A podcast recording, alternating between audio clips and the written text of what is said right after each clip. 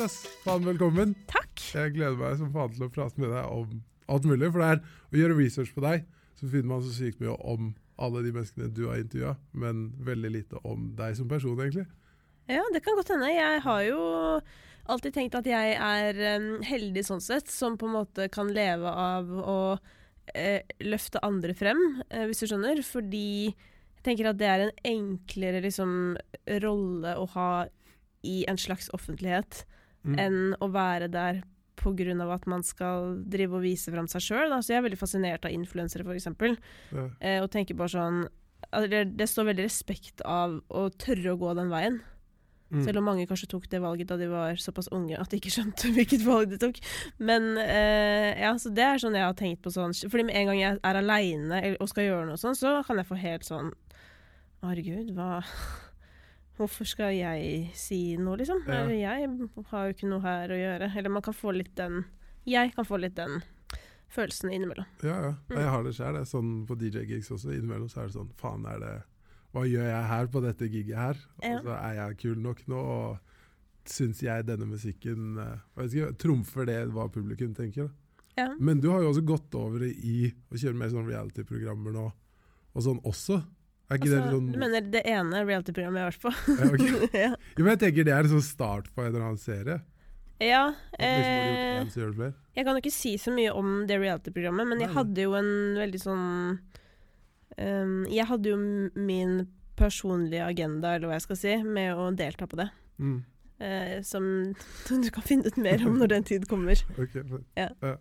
Jeg gleder meg litt til å bli litt kjent med alle synspunktene dine på ja, livet og virkelighet og døden, og, men også sånn det at du har jobba ganske lenge, eller ganske lenge, veldig lenge i NRK, men at du også begynte å på en måte bryte ut med å lage dine egne, ditt eget produksjonsselskap. Hvordan den overgangen der var, og hvordan du bygde karriere. Alt mulig. Og som sagt, lite å finne ut om deg, så jeg gleder meg til å bare bli kjent. liksom. Så hyggelig. Ja. Det er hyggelig å høre. Jeg syns du virker fascinerende. Du virker som en jævlig smart uh, person. Så det, ja. Ja, vi får se, da. Hvordan starter hele mm, reisen din? Hvor er det du på en måte får de verdiene og det sinnet ditt fra, tror du? Um, det er jo på en måte vanskelig å, å pinpointe helt, tenker jeg, da. Men uh, jeg har jo funnet ut at jeg dessverre Nå går vi veldig rett i dypet her, altså. Er, Eh, at jeg har en litt sånn På en måte så tror jeg min drivkraft Den er liksom Den er litt stusslig, dessverre. Men samtidig så tror jeg det er den sterkeste drivkraften jeg kan ha, da. Uh, og den handler jo om en sånn opplevelse av å ikke ha blitt sett. Hvis du skjønner. Opp igjennom sånn sykt nerd på skolen og jobbe, jobbe, jobbe. jobbe. mm. Men liksom, det er alltid en annen som er lærerens favoritt. Eh, eller jeg klarer ikke å liksom eh, si ifra sånn Se på hva jeg har gjort. Eh, jeg bare håper at noen skal komme og se at jeg har gjort dritmye, liksom. Um, og det tror jeg er en sånn opplevelse jeg har hatt, som kan være helt sann, eller delvis sann. Eh, sikkert sann på starten, og så blir man jo litt mistenksomt i verden, og litt sånn Å nei, nå skjer det igjen.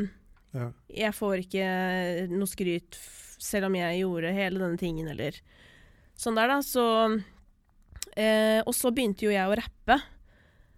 Og det var jo ganske sånn sjelsettende, tror jeg, på mange måter. Eh, der og da så var det bare en fet ting. Jeg var dritkeen på å gjøre det. Jeg elska å holde på med det. Jeg produserte, jeg lagde beats, og jeg var helt sånn eh, På mange måter så skjønner jeg egentlig ikke hvorfor jeg ikke gjør det fortsatt. Jeg vet ikke, jeg, Det er så mange som spør sånn, hvorfor slutta du? Jeg, Ja. jeg vet da faen, jeg. Jeg husker, jeg veit ikke. Det bare Du skjønte, tydeligvis.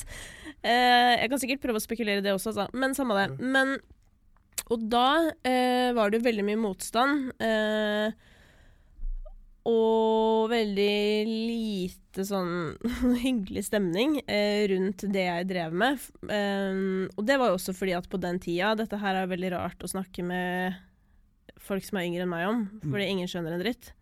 For nå er det jo god stemning i hele verden. Alle er venner og sånn. Men sånn var det liksom ikke Ja, sånn, i eh, norsk rappmusikk før. Da. Det var veldig sånn steile fronter. Og det var jo ikke akkurat eh, et sted hvor jeg skulle oppleve å endelig bli sett, Mm. på en måte. Snarere tvert imot. Det ble jo bare enda verre. Um, og det er liksom funny sånn sett i retrospekt nå, fordi nå er det jo flere av de som er på min alder som er sånn Ja, faen, det du dreiv med var liksom ikke så, det var ikke så dårlig, egentlig. I, I forhold til de andre, liksom. Så er det Du sånn snakka med hun eh, Rebmo, er det vel hun kaller seg, Ja. siste podkasten din om det. Og det virka jo som en sånn åpenbaring. At det var sånn Nei, men at det bare har skjedd helt naturlig for alle de unge, da. De Ja, ja, der er jo all- Liksom. Alle er jo på en måte velkommen, og sånn skal det jo virkelig være også. Jeg er veldig glad for at ting har forandret seg. Mm. Mest fordi jeg tenker at hvis man er hypp på at liksom noe skal utvikle seg og bli bra, og at man skal føle seg kreativt fri, Mm. så hjelper det jo ikke at noen har bestemt hvordan ting skal være. Eh, da er det jo mye vanskeligere å bryte ut.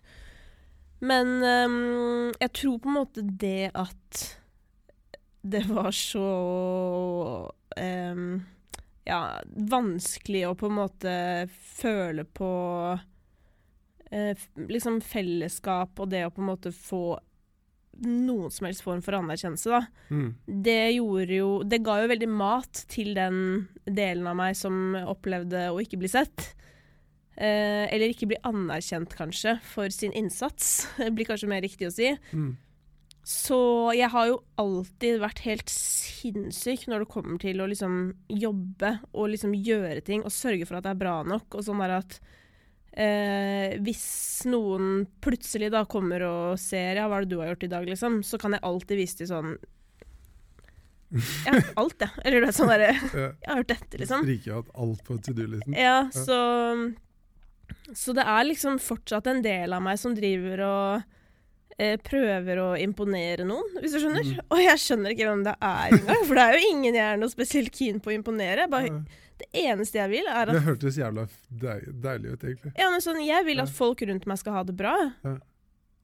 Og at mennesker i verden skal være glad, liksom. Og det er jo egentlig helt irrelevant eh, om liksom Ja, og at jeg sjøl selv selvfølgelig skal være glad og ha det bra. Og det er jo det viktige, på en måte. Så det er en litt sånn rar greie. Men samtidig, på den positive siden, Mm.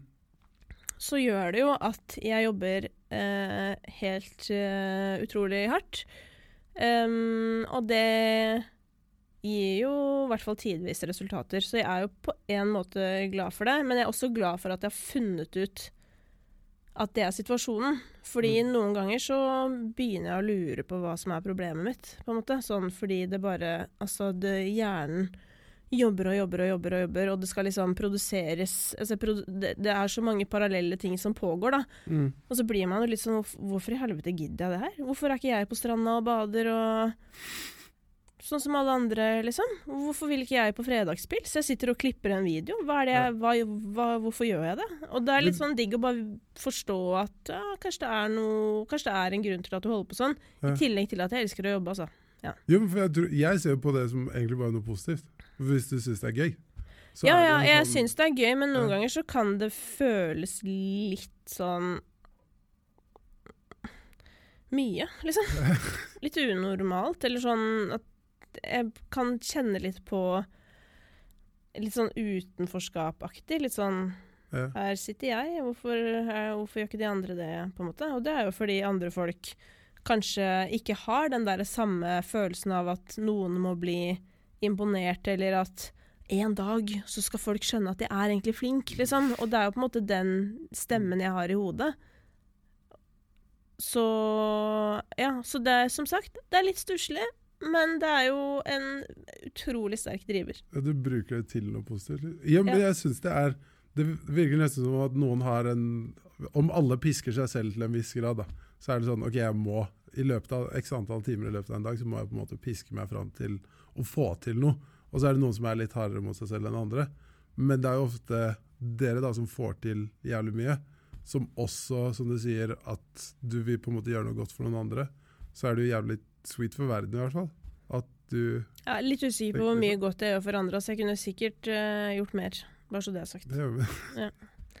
Men Du eh, mye god, du har god tid, da. Ja, heldigvis. Ja. Jeg håper det. Herregud, jeg håper det. Ja. Men hvordan var det med i vennegjengen og sånn? Var det sånn superpress der, eller? Vi var ganske nerder i min sånn lille gjeng, som var det liksom fotball. Men vi hadde også en sånn kappløp om å lese ferdig 'Ringenes herre' i syvende klasse. Å ja. Så vi Eh. drev og piska hverandre på den måten, liksom. Nei Jeg var kanskje liksom nerden i den kule gjengen. Hvis du skjønner. Okay. Men jeg husker egentlig ikke om det var en kul gjeng engang. Altså sånn, jeg bare husker at vennene mine var jævlig kule. Det husker jeg. Mm. Og de var skikkelig pene, og du vet sånn Dro på fester og sånn. Som jeg ikke fikk lov til. Jeg hadde det veldig strengt hjemme. Mm, så det husker jeg. Husker at jeg kanskje var den ja, mest sånn nerden Mm. av de. Um, så Men jeg har liksom alltid på en måte hatt en vennegjeng og sånn. Uh, men jeg har alltid vært veldig redd for å ikke passe inn. Uh, og følt mye på det, liksom sånn At jeg har følt meg annerledes, og at jeg derfor ikke passer inn. Så jeg er jo veldig Jeg er jo litt sånn oversensitiv på eh, det sosiale, og kan veldig fort bli sånn Altså, jeg har veldig mange tankefeil. Dette skylder jeg jo på mine mentale utfordringer, selvfølgelig, fordi jeg liker å ha en forklaring Mm. på hvorfor jeg er psycho. Nei da. Eh, men eh, så Og det eh, beste måten å liksom jeg liker å forklare det ved å bruke min samboer som eksempel. Eh, fordi vi kan oppleve det samme. Altså samme situasjon. Si eksempel vi går bortover gata, Mm. møter noen eh, begge kjenner. Eh, vedkommende sier ikke hei. Eh, og vi ser på hverandre sånn Oi. Og jeg er sånn Å, herregud. Hva, er det, hva har jeg gjort nå? Har jeg sagt Gjorde jeg, gjorde jeg noe feil sist vi møttes? Eller Å, herregud, har jeg glemt å skrive 'gratulerer med dagen'? Eller jeg får, jeg får helt sånn der Jeg går gjennom alt sånn Hva er galt nå? Mm. og tenker sånn Dette er min skyld. Samboeren min er bare sånn Ja, han var sikkert Jøss, han var så opptatt ut. Drev og bare dura rett forbi. Ja, ja, det var litt rart. Ja. Og jeg er ferdig med saken. Ja. Og jeg kan sitte dagen etter og lure på sånn Hm. Skal jeg sende en melding og spørre Nei, herregud, jeg kan ikke sende en melding. Å nei. Uh, ja, sånn der. Men Eh, gjør du det som regel, da? Eller unngår du det? Å sende meldinga? Å ja, nei, jeg sliter veldig med å sende folk meldinger generelt, jeg. Ja. Men uh, jeg prøver jo å ta tak i det. Jeg skjønner at ikke jeg kan altså Hvis jeg holder på sånn her, så kommer jeg til å være alene for resten av livet, isolert i en celle, liksom. Ja. Så Nei, nå har jeg begynt å ringe. Jeg har blitt en ringer. Oi, oi, det er et stort steg. Så jeg Fra å være en til, som ikke sender melding, til å ringe. Ja, men fordi at hvis jeg da sender en melding og ikke får svar, da har du det jo Mm. også gående ikke sant, helt til jeg får et svar. Ja, sånn. Og det er uansett hvem jeg sender melding til, liksom. Så da, da har jeg begynt med ringing, for da, da det, blir det avklart. Hyggelig, ass. Ja. Men hvordan var det altså sånn, Har du hatt den approachen hele livet på en måte med å ha litt noia for å passe inn, men samtidig så virker du dritselvsikker og har sånn driv og alt mulig? Er det sånn evig krig, eller hva? Nei, det er bare forskjellige arenaer. At det er Mm. at i jobbsituasjonen, altså i jobben okay, min, så ja. ha, er jeg um, trygg. Mm. Jeg føler ikke at jeg er dårlig på jobben. Uh, Tvert imot. Jeg føler faktisk at jeg er ganske flink på jobben. Uh, men i det mellommenneskelige så er jeg veldig Jeg er jo ikke usikker i på en måte Jeg klarer jo å snakke og er jo flink til smalltalk og longtalk og deeptalk og alle talks, på en måte. Men jeg er veldig redd for å ikke bli likt, så det kan stå veldig i veien for meg, fordi jeg tenker eh, mye på hva andre tenker om meg som privatperson, meg, da. Mm. Men hvis folk syns jeg er jævlig irriterende på, liksom, i en jobbsituasjon, Mm. så er det jo sånn Jeg syns jo det er kjipt at folk ikke liker det jeg lager eller det jeg gjør, men det er mye lettere for meg å deale med, fordi jeg føler meg på en måte trygg på det. Mm. Eh, og så kan man like eller ikke like det, eh, men sånn der, hvis noen syns du er et jævlig menneske, liksom, det Det øh, gjør meg helt gal i hodet av å tenke på, liksom. Ja, det er sprøtt. Fordi jeg syns på en måte det er en sånn sær ting å skulle bry seg om, til en viss grad. da. Men For jeg vet ikke, det er jo et eller annet med Om folk ikke liker noen som person, så syns jeg nesten det er mer behagelig enn om Ja. de ikke liker ting jeg har gjort. Å ja, det er sykt. Nei, det skjønner jeg ikke. Jo, fordi det bare ser jeg på som preferanse, liksom. At det er sånn Å ja, nei, men Det er det samme Ja. som eh, Jeg vet ikke, liksom Jeg har vært evig singel fram til de siste åra. Og da kom jeg, fikk jeg på en måte en sånn klikk sånn Å ja, men hvis jeg må tørre å gi på en måte komplimenter eller hva som helst, være ute der uten å være redd for å bli såra da, Mm. ved at den personen ikke syns jeg matcher deres liv. Men det er jo bare en preferanse. Mens er det noe jeg har jobba for, noe jeg har lagt sjela mi, så er det jo Det er jo ikke det, er jo ikke det jeg lager fett, liksom. Det er jo mye mer meg enn det andre. da. Ja, nei, det, ja det, sånn er det ikke for meg. Altså, det er jo selvfølgelig sånn det jeg lager Mye av det jeg lager, er jo også meg. Mm. Men der kan jeg liksom kjenne på sånn Det her er jeg i hvert fall litt flink til, og det føler jeg meg helt trygg på at jeg er. Jeg, jeg er ikke helt jævlig dårlig til jobben min, så hvis noen sier sånn 'Å, fy faen, Danke er helt jævlig', så er det litt sånn Eller eh, 'hun er jævlig irriterende', stemmen hennes er jævlig irriterende. Eller så er det litt sånn Ja, det kan jo såre det på en dårlig dag, men på en måte sånn Hvis noen liksom ville tenkt sånn Jeg får jo høre mye at liksom Å, hun er så streng, eller hun er så eh, Ja, det, streng. Synes, det syns jeg også. at jeg er streng. Ja, men sånn, Det har vært mitt inntrykk av det før Ja. jeg liksom begynte å researche det. Eller faktisk, jeg bodde sammen med Pål Tøyen før, og han var sånn der Å nei, Kristine, hun er dritfett. Og så var det sånn Ja, det er hyggelig. Okay, ja. Og han satt meg litt sånn der på plass, nesten. Og Ja, da var det sånn jeg bare Shit, er jeg en sånn hater nå? ja men jeg, jeg, blir, jeg kan noen ganger bli litt nysgjerrig på på hvorfor eh, folk har det inntrykket av meg. Eh, Ja. Så det kan jo du fortelle.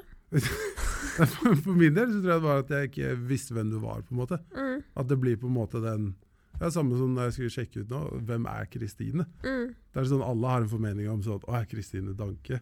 Hvis du bryr deg om musikk i Norge, så vet jo alle på en måte hvem karakteren din er. Men Ja, men det er det her jeg blir er. nysgjerrig på, fordi liksom i, i mitt møte med liksom artister og sånn, så har jo alltid min eh, filosofi da vært at jeg skal eh, lage, et, eller, lage et sted som er et trygt sted å komme til. Mm. Eh, så i møte med artister, som jo er på en måte det andre folk ser, så er jeg jo ikke streng. Og det er derfor jeg blir nysgjerrig på hvor eh, kommer det fra. eh, at folk tenker det om meg. Er det liksom rykter som har gått fra tidligere? Eller er det. Altså, skjønner du? Fordi sånn, da jeg rappa back in the days, Ja. så var jeg jo Hadde jeg jo selvfølgelig en eh, Hva skal jeg si mm, Da tøffa jeg meg jo veldig. Eh, fordi det var på en måte den måten jeg deala med det hele på. At jeg bare tenkte sånn, jeg må bare ta meg sammen. Det her må jeg bare tåle, liksom. Jeg må bare tåle å få dritt. Og da blir du jo på en måte litt eh, kald, og kanskje litt sånn lite mottagelig for kjærlighet på generell basis. Fordi man Det som er kjipt med å sette opp en mur, Mm. eh, det er jo fint at det holder kjipe ting ute, men det holder alt ute. Det er jo ikke sånn at du kan velge å ta inn komplimenter, men stoppe det som er dårlig. Det er sånn Enten så er man jo på en måte sårbar for det gode og det dårlige, eller så kommer ingenting inn. Da. Sånn var det i hvert fall for meg. Så, så liksom på den tida så hadde jeg kanskje mer forståelse for at jeg kunne komme av som litt sånn ja, streng, da. Eh, mens nå så føler jeg litt mer på at det er sånn Jeg er en dame som driver min egen business, og jeg er eh, tydelig og effektiv. Mm. Eh, derav tolker noen at jeg oh, ja, sånn, ja. ikke liksom har eh, andre sider. Ja, sånn, ja, jeg vet ikke. Jeg vil tro at det bare er det at Hvis man har på en måte færre sider, fordi man blir jo kjent du, når du på en måte intervjuer primært, da, så blir det sånn OK, det er inntrykket de fleste får. At, men det er jo aldri om deg. Nei. Og hvis man ikke kjenner deg, så blir det en sånn Da blir det bare Du er den som stiller spørsmål og er på en måte er lettest der, og så ser man at dere har en connection, da. Men at man får ikke etablert den i like stor grad med deg, kanskje. Hvis du har den muren som du snakker om. Ja, kanskje. Jeg, syns, jeg, jeg er oppriktig interessert, da, men, jeg, Ja. men eh, jeg Altså, hvis, eh, hvis streng er et synonym for eh, tydelig og, og effektiv, så Mm. er jeg det jo. Ja. Eh, men, eh, men jeg ser eh, Det er jo på en måte egenskaper jeg er egentlig ganske stolt av, da. Mm. Tross alt. Men, men det er mer, altså. Ja, ja. tror jeg. Hvordan er det du ser på virkelighet og religioner og alt mulig sånn? Det er sånn jeg aldri ser på, på en måte. Eller sånn, ja. Eh, jeg har uh, Det eneste forholdet jeg på en måte har til Eller det blir vanskelig Altså, det kan jo hende at jeg har et forhold til religion som jeg ikke er bevisst, eller hva jeg skal si, men uh, det eneste forholdet jeg har i livet sånn faktisk, er jo at jeg er i kirken når noen dør, på en måte. Mm. Um, ellers så har jeg også hatt perioder i livet hvor jeg har vært veldig misunnelig på mennesker som er religiøse. eh, og tenkt at det hadde vært sinnssykt digg å være det. Men jeg har aldri prøvd. Hva er ditt første minne av sånn eh, Gud er en eller annen ting? Altså, mitt første minne om religion er jo faktisk at min bestefar var ateist, og ble på en måte vel sånn semi-forfulgt på grunn av det. For det var jo så lenge siden at det var ikke innafor. Så selvfølgelig begynte jo jeg å backe veldig å være ateist, fordi jeg syntes han var så fet og ikke sant, hele den pakka der. Mm, men eh, Nei, jeg husker ikke noe så vi, Altså, jeg kommer ikke fra en religiøs familie. Vi har liksom aldri hatt noe eh, Vi har aldri liksom gjort noe utenom å gå i bryllup og begravelser i kirken. Mm. Um, Men i de tilfellene sånn, Jeg kommer fra den samme bakgrunnen, egentlig. ja. Men jeg har jo fortsatt hatt en sånn formening da, ja, når man er i dåp eller i en konfirmasjon eller et eller annet. ja, da kan jeg få ganske allergisk reaksjon, faktisk. Okay. Men det kommer jo ekstremt an på presten. Så jeg har jo vært i f.eks. bryllup hvor jeg har vært sånn Oi, dette her er liksom masse Her kommer det masse bra ut av truten på presten. Men så har jeg også vært i, i kirken hvor jeg har bare tenkt sånn der Kan dere please liksom Nå er det dåp. Du vet, i dåp det er jo da det er flest i kirken ever utenom bryllup, på en måte. Fordi, Mm. Eller det er det jo for så vidt også i begravelser, da, men det er veldig mye folk, for det er mange som døpes på likt ofte. Så kommer liksom, når det ikke er korona, da, så kommer jo liksom alle gjestene til alle dåpsbarna. Eh, og det er packed. Og da tenker jo jeg sånn at man kan benytte anledningen til å vise Bibelen fra best mulig vis, da. For det er jo veldig mange fortellinger der om eh, moral og verdier og alt det der, som lett kan overføres til hva som helst i dagens samfunn, og som kan være superviktig og bra uansett hva man tror på. Mm. Fordi det er jo fortellinger om livet, liksom. Eh, og når det da på en måte ikke blir utnytta, men det bare er sånn Sykt boring og bare sånn bare rot. Da blir jeg bare så overrasket. Fordi kirken har jo et PR-problem, for å si det mildt. Ja, det var, Så de må jo benytte anledningen til å liksom For det er igjen, da. Det er masse å ta der, liksom. Bruk det, tenker jeg. Mm. Men um, ja. Det kommer ikke noe sånn der over deg, typ. Sånn, jeg blir så jævlig beroliget av å være Kirken? ja, i kirke eller moské eller hva som helst, sånn religiøst bygg, så kommer det en eller annen sånn Nei, jeg, skulle, jeg hadde Ja, elska om det skjedde, altså. Hæ? Jeg hadde digga om det skjedde. Ja? Men det skjer ikke. Men jeg er jo veldig opptatt av kunnskap og læring og sånn, så det, det er litt sånn der som jeg syns er spennende med religion generelt, og alle religioner. Sånn hva kan denne religionen lære meg, da? Mm. Ehm, og der Jeg kjenner jo ikke til så veldig mange religioner i det hele tatt. Men jeg opplever jo at f.eks. at islam er mye bedre på det jeg etterlyser i kirken. Mm. Uh, kanskje fordi at det er mer vanlig at man på en måte lærer skriften, og at man setter seg inn i ting. Uh, og at det nettopp blir liksom brukt for å fortelle liksom, eller lære ting om livet på en eller annen måte. Mm. Um, så, og det er sånn, det syns jeg er veldig interessant. Og det kunne jeg gjerne ha, hvis jeg hadde hatt tid, så kunne jeg liksom Jeg har ti studiepoeng i buddhismen, da. Fra Blindern, liksom. Jeg husker ikke så mye av det nå, men, jeg, men det var sånn, jeg har jo på en måte vært interessert i det. Det var jo derfor jeg Det var jo sånn man kunne velge frie studiepoeng. Mm. Så jeg tok fitness og buddhisme, liksom. Så det er jo Det var jo for en grunn. Jeg syns det var spennende. Mm.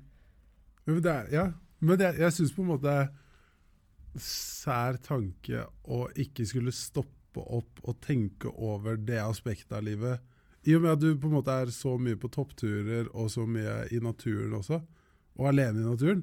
Ja, men det er jo min uh, Jesus, ikke sant? Eller hva Ja, ja. jeg skal si. Altså sånn der eh, Eller jeg pleier å si at det er min yoga, ikke sant? Mm. At noen må ta yoga hver morgen. Uh, og jeg kjenner jo mange som driver aktivt med yoga. Mm.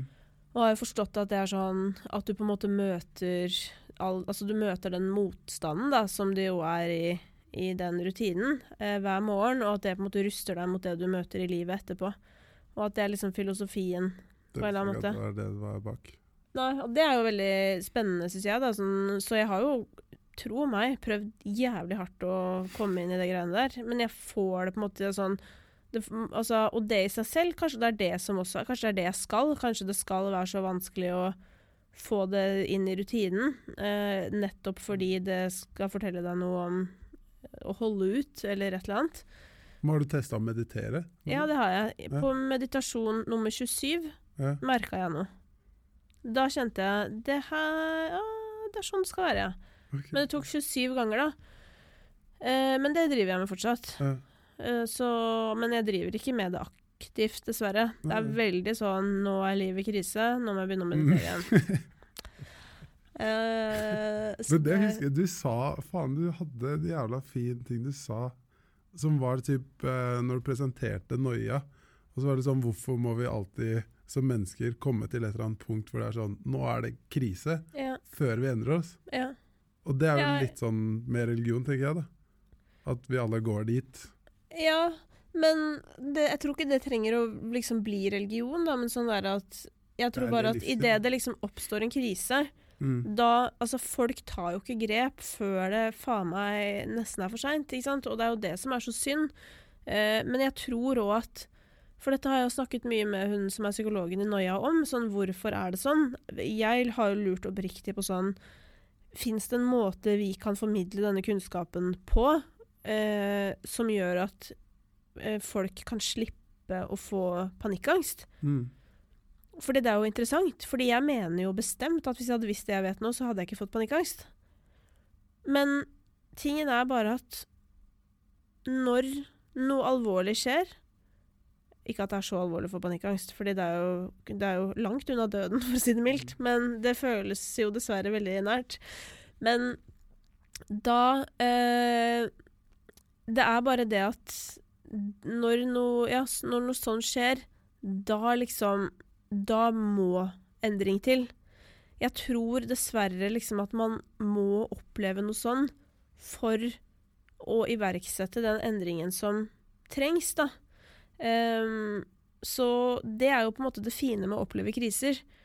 Fordi man må jo nesten, når livet suger som hardest, liksom, så må du jo nesten prøve å forstå det på en eller annen måte. Mm. Og måten jeg velger å forstå det på, er litt sånn hva skal dette fortelle meg? Hva, skal, hva er det jeg skal lære av dette? Eh, og så kan du jo gjøre en del da endringer eh, som da er lettere å gjennomføre, fordi det må skje. Det er vel lettere å sånn OK, jeg må For eksempel turkjøret mitt, da. Jeg har veldig sånn jeg må på, jeg må på tur, det, fordi det er jo min yoga. Nå er det for lenge siden jeg har vært på tur, og jeg kjenner det på hele nervesystemet Mm. Liksom. Og så er det sånn Så går jeg på tur, og så er det sånn ah, Da vet jeg at jeg blir roligere, og det varer kanskje en uke, liksom. Så det er um, uh, Og det er jo litt humor, fordi Eller jeg vet ikke om det er humor. Det er ikke, det er ikke noe gøy, så det er ikke humor. Men uh, det er sånn Uh, Jeg, blir, jeg irettesetter meg selv ofte, for jeg irriterer meg sånn at jeg bare har noen sånne faste fraser. Ja, Det er litt humor. Nei, det er ikke gøy. Det er ikke humor. Men i hvert fall, når jeg Ja. fikk eh, panikk, så begynte jeg å skrive opp sånn alt jeg så på internett at folk gjorde. mm. Liksom utenom medisiner, da, for jeg er veldig medisinskrekken. Ja. Og da bare begynte jeg fra øverst på listen, og så tok jeg liksom alle grepene som sto. Så det var jo sånn jeg begynte å gå på tur. Det var bare en av de tingene på lista. Mm. Og så var det det som funka best for meg. Og trening, da. Mm. Mm. Hvordan, er, hvordan er det her For jeg, jeg er fortsatt litt sånn fascinert over hva skal jeg si, sånn, Både sånn innsikt og kunnskap, men at det virker som du har på en måte Litt som mye av familien min er veldig sånn Ja, men livet. 100 Hele tiden. Og at du da Jeg syns det er kjempegøy å stoppe opp innimellom og bare Hva faen er det her for noe? At det er litt sånn Hva er virkelighet i det hele tatt? da? Ja, jeg så det. Ja, men å gå liksom til det skal jeg si? at De eksistensielle måte spørsmålene. ja. Og du, du går aldri dit? Nei, jeg tror for det første så tror jeg at hvis jeg går dit, da tror jeg det går gærent. Eh, det er det ene. Og det andre er at jeg, For noen ganger når jeg hører på sånn derre Hvis jeg hører på sånn Sånn er du og sånn, eh, sånn personlighetstest-podkast, eh, så lurer jeg på om jeg er litt sånn lav på fantasi. Eller jeg vet Altså, jeg har jo ikke tatt de testene, så jeg vet ikke. Mm. Men sånn der eh, sitte og, ja, og fantasere også, sånn tenke veldig abstrakte ting og det, det, driver, det gjør jeg aldri, liksom. Jeg, Mm. kan, jeg har ofte liksom Jeg har sinnssykt mye ideer og liksom kreative tanker og tenker mye på sånn Jeg kan sitte liksom og eh, I dag har jeg, satt jeg bare en halvtime og tenkt ut ideer til TV-programmer, på en måte, fordi hvorfor ikke? Mm. Eh, det syns jeg er gøy, men det er konkret. Skjønner du? Det er sånn Så kommer det, og så har vi tre sånne, og så kommer det fire sånne. og så- Mm. Det er veldig sånn. Eh. Mens med en gang det blir sånn derre eh, Noe som ikke er håndfast, Mm. så får jeg helt sånn åh. Og det handler også om at jeg er eh, det mest utålmodige mennesket jeg kjenner. Så jeg har heller ikke tid til å tenke på ting som er vanskelig, hvis du skjønner. Eller sånn. Eh, når jeg har det dritt, så har jeg jo tydeligvis det. Så det er jo den logiske bristen her. Ja, men det er jo fordi det, det slår meg liksom Det er jo litt opp mot det du snakker om med at hvorfor utsetter vi det alltid til på en måte den, en eller annen krise kommer. Ja. Og der kommer litt min sånn kalde fascinasjon da, for døden. Fordi jeg på en måte er sånn ja, men Hvordan kan vi ikke stoppe opp og tenke på de eksistensielle spørsmålene når vi kommer dit så mange ganger i løpet av livet med at vi enten mister noen, eller at noen vi er veldig glad i, mister noen. Eller at vi da begynner å bli syke selv, eller at vi er sånn faen, nå kommer tanken om at shit, jeg skal dø en dag. Mm. Så jeg er mer hypp på å ta, liksom, leke med de tankene før det er umiddelbart. For det er bedre rusta. ja, og det beundrer jeg. Det, det fascinerer meg. Jeg, jeg, jeg liksom um, Jeg tenker at du er heldig, på en måte, som klarer det. Men du må, ha, du må ha gjort det en gang. Altså, du må jo ha vært barn. Nei, jeg er litt sånn der Når folk dør, så tenker jeg bare sånn Så bare går jeg i kjelleren og bare blir så jævlig lei meg. Og så tenker jeg at det er meningsløst. Og så tenker jeg eh, Nå er det jo ikke Heldigvis, da, så er det jo ikke så ofte eh, Det rare er at den perioden i livet jeg har vært i flest begravelser, var da jeg gikk liksom på videregående. For det er veldig mange som jeg gikk på skole med på ungdomsskolen, som døde tidlig. Litt sånn halvbelasta miljø. Mm. Um, og så har det gått liksom egentlig ganske lang tid før jeg har vært berørt av å miste noen nære, da. Men Eh, hvordan faen var det egentlig, å miste mye venner og bekjente så tidlig? Ja, det var veldig rart. Ja. Det var helt sykt rart, og det er sånn Uh, Der og da så var det jo på en måte bare sånn uendelig trist, fordi det var kjæresten min i fjerde klasse, liksom. Eller skjønner du? Sånn Ja. Men sånn, Og det er det fortsatt. Uh, men jeg har tenkt veldig mye på i ettertid sånn hva, Hvorfor skjedde det? Hvorfor var det liksom ett Eller en gjeng som det på en måte gikk så galt med? Uh, det syns jeg er Ja, så jeg har vært litt sånn Noen må lage en dokumentar om dette, hvis du skjønner. For det er Det er veldig rart. Veldig påfallende. Mm. Men det som også Eller det som skjer når folk dør eh, Generelt, sikkert. Men de jeg har opplevd det med i senere tid, er jo voksne, godt voksne mennesker. Mm. Eh, men også i offentligheten, vil jeg si. Når ting skjer, så er det så veldig sånn Da kommer liksom alle godordene, ikke sant? Og da kommer hyllesten, og da kommer liksom eh, kjærligheten regnende fra himmelen. Eh, og det tenker jeg mye på. At sånn, Hvorfor må man vente til man dør for å få kjærlighet, hvis du skjønner? Mm. Så egentlig det liksom dødsfall eh, har blitt for meg, da, eller som jeg tenker mye på, er sånn at det skal være en anledning for meg å tenke meget nøye gjennom sånn Har jeg sagt til folk det de fortjener å høre. Sånn om at de er bra mennesker, liksom, og at de gjør meg glad, og at jeg setter pris på eh, de jeg har rundt meg. Mm. Fordi um, det gjør vi ikke nok. Word, altså. Den var fin. Ja. Det er ja, faen meg godt poeng. Altså. Der merka jeg nå, nå fikk du meg til det stedet selv og jeg er sånn Faen, det er sant, det. Ja. Fordi det er en Jeg syns det er fint å på en måte ha vært der flere ganger før det faktisk skjer. For da syns jeg det blir mindre tungt, egentlig. Mm. Og de senere åra, folk jeg på en måte mista, så føler jeg at jeg er mer til stede på et eller annet vis. Og blokkerer meg selv mindre, da. Mm. Det er liksom ikke den Hvorfor jeg har tenkt sånn Faen, det er sant, det kommer jo til å skje med mange. Og når man kommer seg gjennom kriser, så syns jeg det er det samme Eller ikke det samme, men litt lignende på en måte Noia-prosjektet ditt også. At det er sånn Å normalisere det syns jeg er en fin ting. Mm. Fordi det er jo så mange som ja, dere fant ut. Bare holy shit, det er mange som Her er det mange som tyner inn, da. Alle har problemer, som jeg pleier å si. Ja. og der er det litt sånn, ja. Min, min lille kamp er at vi skal alle dø, da. Ja. Ja, det, så det, jeg, det er rart med det. Etter jeg fikk eh, Altså, før jeg fikk panikk og sånn, så kunne jeg noen ganger være liksom så sliten og lei meg at jeg Ikke bokstavelig talt, da, men tenkte sånn der «Uff, det, Dette orker jeg ikke mer, liksom. Kunne like Mm. godt vært dau. Ik, ikke dramatisk. Ikke så at det var et problem, men du vet sånn ja. lettbeinte tanker om at sånn hadde vært bedre å slippe, liksom. Mm. Eh, etter jeg fikk panikkangst, og etter jeg kom meg liksom gjennom det og fortsatt sto på to ben, så var jeg bare sånn Å, fy faen, jeg skal så jævlig leve. Altså, hvis noen tar fra meg fuckings livet mitt nå, så faen meg klikke. Det er ikke greit. Og nå har jeg blitt sånn Og det, jeg har blitt feig etter det skjedde. Jeg har fått høydeskrekk, jeg har fått alle mulige skrekker. Altså det er sånn Eller jeg vet ikke om det er bare alderen eller etter det, men det er veldig påfallende at det er sånn veldig skille i mitt liv. Mm. Eh, og etter det er jeg ikke villig til å ta risiko lenger. Fordi det er sånn Nå har jeg, opplever jeg da Jeg har aldri hatt det så grusomt noensinne. Jeg håper jeg aldri får det så grusomt igjen. Jeg har levd igjennom det, og jeg har jobba så jævlig hardt med å komme meg ut av det verste, liksom. Mm. Og hvis noen skal ta fra meg det livet jeg har nå, da blir jeg så sint. Jeg begynner å gråte når jeg snakker om det, for det er helt sånn derre Åh, nei. Så nå er jeg litt sånn Nå må jeg få kose meg i noen år. Så kan jeg tenke på døden.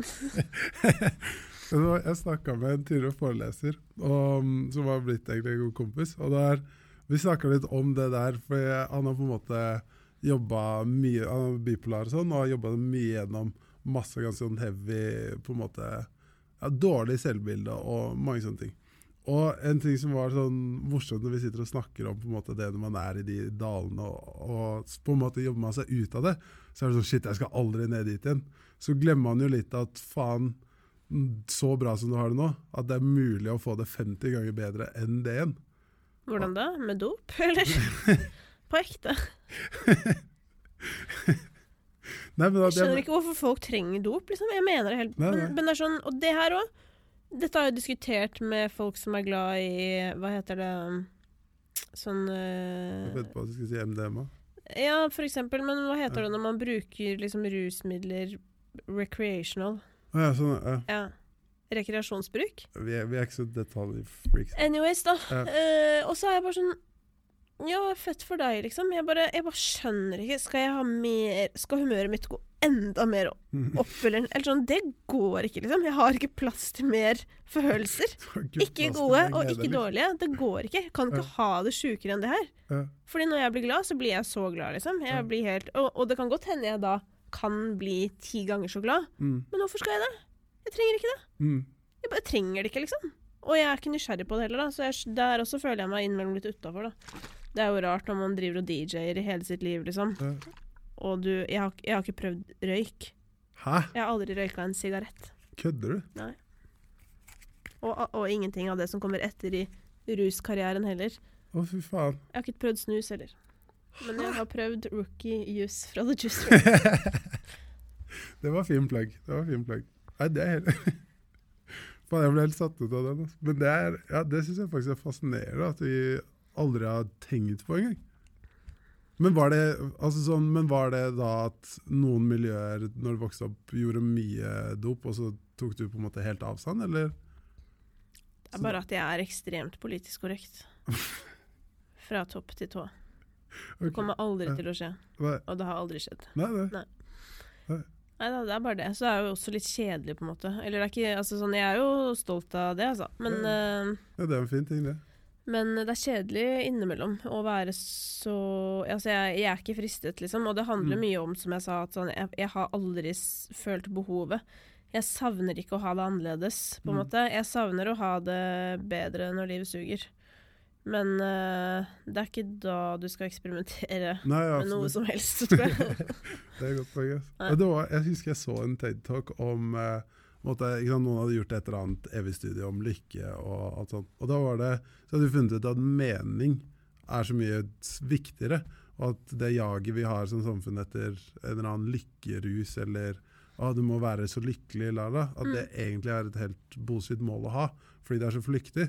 Og du opplever jo det bare når du ikke tenker over det egentlig.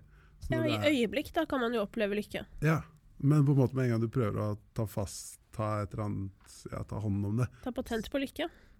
Boom. Disse tre stegene, Det- så blir du glad. Men at hvis vi på en måte jager eh, å ha et meningsfylt liv, Mm. så er det jo mye bedre. Og da er det jo litt sånne ting som å Å, faen, det å gå i naturen gjør meg veldig tilfreds. Mm. Det gir meg masse, og du føler deg bare bra, da. Ja. Du gjør flere av de tingene. det er veldig rart for meg, det naturgreiene, så det må jeg bare si. Fordi jeg Mm. er jo egentlig skikkelig bydame, liksom. Jo, rapper. Så det er liksom en sånn liten bit av meg som er sånn Hadde, sett, hadde dette vært fem år siden, og jeg kunne sett frem på meg selv nå, så hadde jeg bare Ja. Hva i helvete er det som har skjedd med deg? Det har klikka. Og det har det jo. Så det er jo forklaringen på det. på en måte. Men det syns jeg er så jævla digg med oss mennesker, at vi faktisk gjør de tingene. For det er, jeg har litt den samme sånn Jeg drikker aldri, liksom. Jeg drikker kanskje Nå har jeg drukket fire ganger på ti år. Nei, omvendt. Ti ganger på fire år. Ja. Og det er sånn, det var et år siden sist, og bare føler ikke for det engang. da. Men går jeg altså tilbake fem-seks år, Ja. så er det sånn Nei, runde med shots og først og alltid god stemning i utelivsbransjen. ja, hvorfor drikker du ikke mer, da? Eh, Sånn, først så stoppa jeg faktisk fordi en er eh, på en måte joina i solidaritet. da, For vi måtte slutte pga. en hodeskade. Og så, etter at jeg på en måte hadde tatt en pause på ett og et halvt år, så var det sånn jeg bare Faen, det her savner jeg ikke, liksom. Så drakk jeg et par ganger, og det var gøy, selvfølgelig. Det er jo gøy å drikke, det er ikke det. Men så bare merka jeg sånn Faen, det her gir meg ikke nærheten av det samme lenger. Og det var, det var litt som Når jeg var 17, så testa jeg ecstasy. Og det var noe av det feteste jeg noensinne har gjort. Anbefaler ikke til noen. Nei, jeg hører at folk sier at det er rått. Ja. Og det var helt altså det var en helt sær følelse, og det var dritbillig. Det kosta 50 kroner eller noe sånt. Når du er 17 år på byen og bare Wow, jeg er super i Men, 100. Ja. Og våkna opp dagen etterpå med masse dates lina opp og var liksom helt i 100. Og så bare OK, cancel alle, liksom. Og så var det sånn vi bare Nei, det her skal vi ikke gjøre igjen på Sa jeg liksom til kompiser minst en måned. Det var liksom sånn Og så neste helg så var vi i samme sted og skulle skaffe igjen. Og da hadde ikke han dealeren, han hadde ikke det samme. Så han var sånn Nei, men jeg har noe som er litt sterkere. Og så var det et eller annet som bare Nei, vet du hva, det gidder jeg ikke. Og så kjøpte vi weed, for vi røyka mye på den tida. Og så bare når vi kom tilbake igjen, så bare faen, det her kan jeg aldri gjøre. Og så har jeg aldri tatt noen sånne ting på en måte igjen, da, som er så ekstreme. For jeg bare, når den Emma-bølgen kom og sånn, jeg bare er så glad for at jeg også er utenfor det. Og jeg tror at de å jobbe seg gjennom alle mulige aspekter av livet, og både høydene og eh, dalene, syns jeg er mye fetere uten noe. Nå i hvert fall. Mm. Men ja. Jeg føler meg så uvitende at jeg, jeg tør ikke å. Jeg har ingen erfaring. Men det jeg bare tenker er Jeg er jo veldig opptatt av eh, kunnskap, da. Mm. Og at det er det jeg alltid kommer tilbake til. Og, og jeg jeg har jo forstått at noen kan på en måte eh, gjøre Eller ha et ganske eh, godt, nært forhold til rus. Mm. Eh, uten at man blir liksom nevneverdig tilsynelatende påvirka, i hvert fall.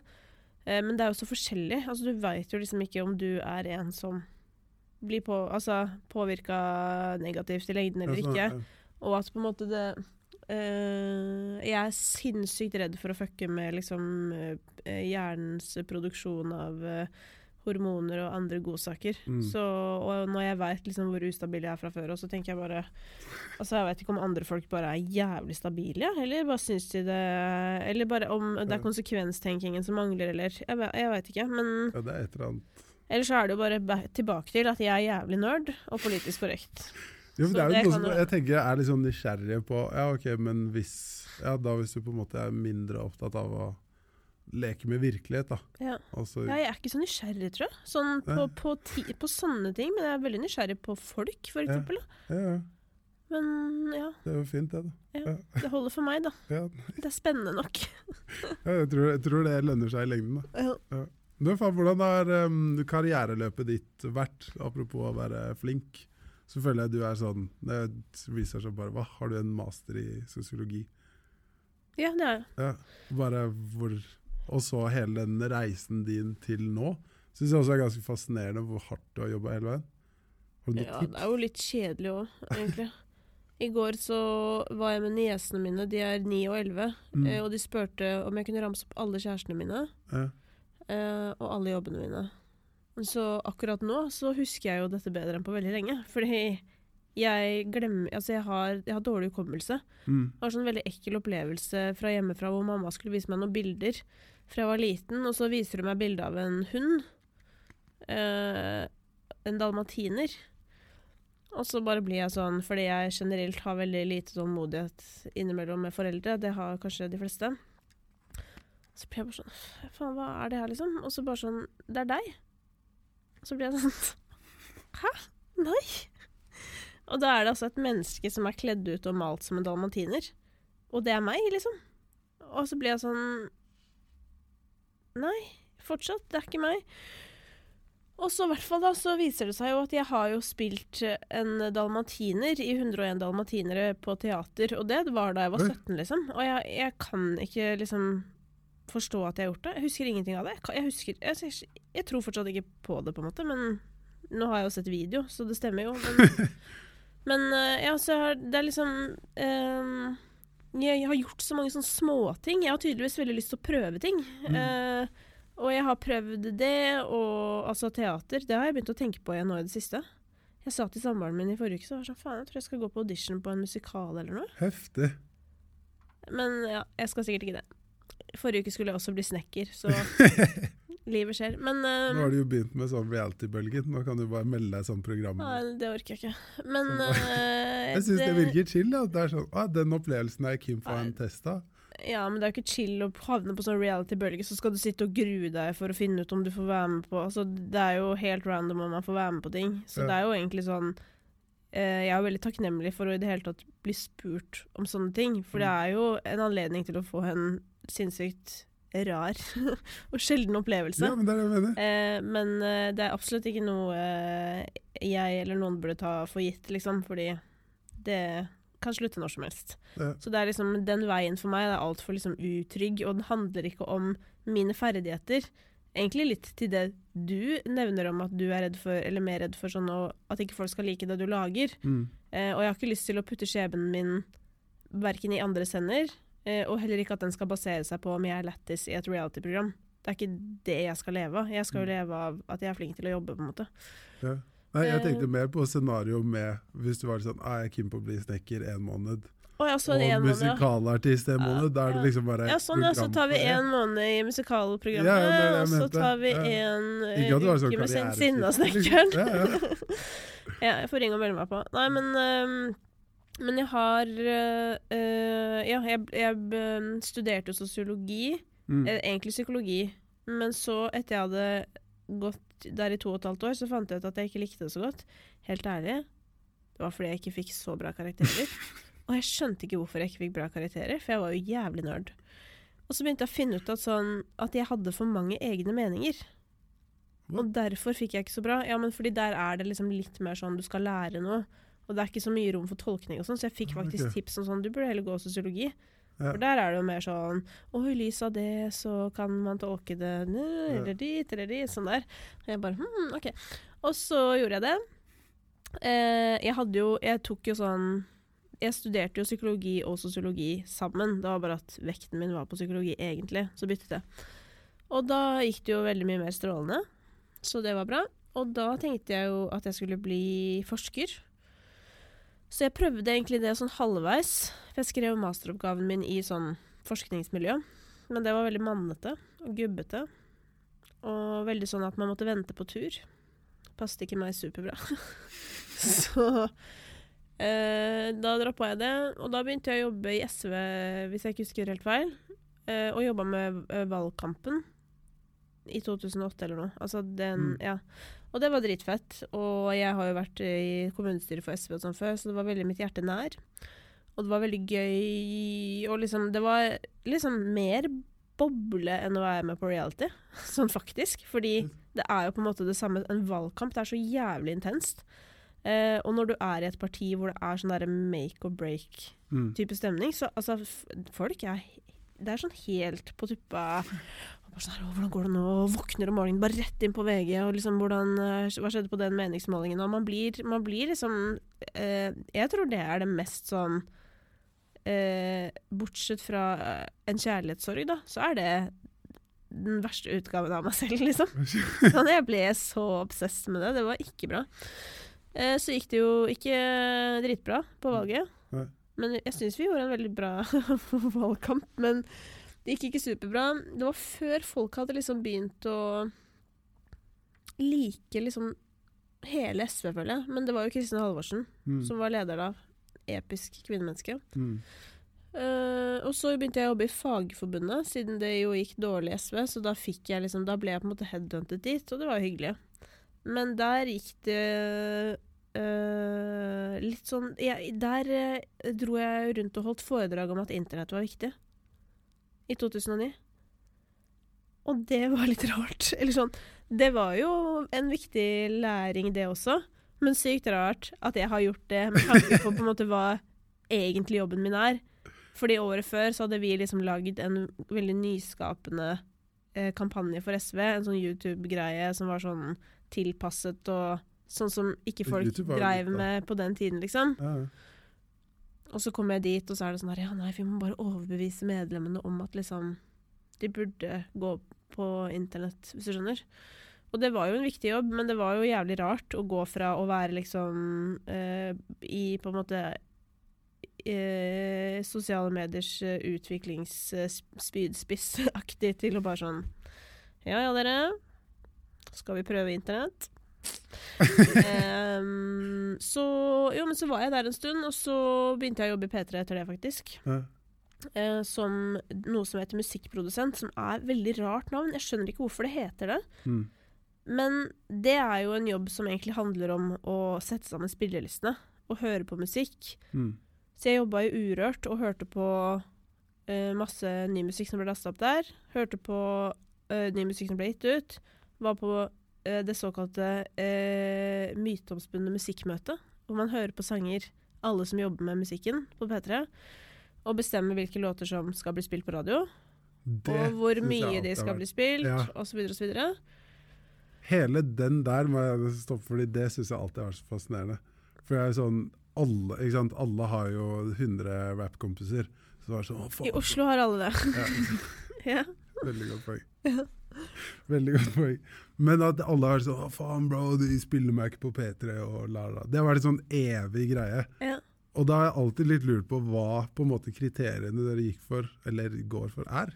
ja, det er ikke noe kriterium. Ikke dere, men jo. Altså, jeg tror ikke det er noe kriterium, på en måte. Nei, men sånn, Det var ikke det ikke da, kriterier, men uh, hvilke på en måte variabler man tar utgangspunkt i. da. Ja, nei, det er jo den gode, gamle magefølelsen, holdt jeg på å si. Eller det er jo hva du syns om låta. Det er, jo sub, det er jo på en måte en subjektiv samling Ja. eh, med meninger som eh, blir satt sammen, på en måte. Josef, men jeg Og når det kommer til det rappgreiene, så eh, er det jo sånn at liksom eh, Det har blitt spilt ganske mye rapp, og jeg syns jo Marius Solberg sin lille rant eh, på mange, hadde mye liksom i seg, men den hadde jo også noen faktafeil. Eh, som jeg skrev til han. Da jeg skrev til han rett etterpå. Jeg bare Hei, Kamelen har blitt masse spilt på P3. Jeg har vært masse lista. Mm. Eh, så Og etter at de lagde liksom P3X, så har de jo på en måte tatt et bevisst valg om at liksom den rappen som ikke er eh, På en måte liksom crossover til Hva skal jeg si? Mm. Popmusikk eller Spotify-musikk eller hva man skal ja. kalle det, eh, er der. Men før det skjedde, så var det jo, vil jeg si, kanskje et lite sånn høl i det. Men samtidig så gjorde jo f.eks. vi veldig masse innhold med rappere som ikke var lista på P3. Eh, og det var jo ikke Det var jo ikke sånn at vi bare var sånne rebeller som bare «Ah, Vi bare driter i det, vi bare lager dette. Det, det var jo fordi alle mente at det var en god idé Mm. Og løfte fram folk, da. Og så er det bare det at sånn Radio er jo òg et sånn vanskelig sted for å vise fram ny musikk, egentlig, med mindre det blir pakket inn. Så jeg, for eksempel, da jeg jobba der, spilte jo eh, en del ny musikk og, og present, fikk liksom presentert ting ordentlig, sånn at du kan si noe om hva det er før det kommer. For du kan bare se for deg at du hører på P4, da, og så kommer Snowboys. Eller du vet sånn Det bare kommer sånn derre Mekonomen Mm. et eller annet. Det, jeg vet ikke om det er den melodien, da. Og Ja. så kommer Snowboys, liksom. Eh, dropp det, dropp det. Og så kommer en eller annen gammel mann. Ja ja, dere, vi har fått inn en trafikkmelding om at Ikke sant? Det er bare sånn Det er rart, ikke sant? Ja. Um, og nå er jo ikke P3 det, men det er jo også masse underholdning der hvor musikken er på en måte mellom låter, men det ikke handler om musikken, da. Mm. Så jeg tror Jeg tenker sånn at det er, helt opp, det er vanskelig, liksom, å, å bestemme radio, for du vil jo på en måte at mange skal høre på. Samtidig vil du løfte fra masse nytt, og Mm. bare hvordan skal du finne den balansen som gjør at folk fortsatt vil høre på, men du sniker inn Ja. nye, helt nye låter ingen har hørt før, da.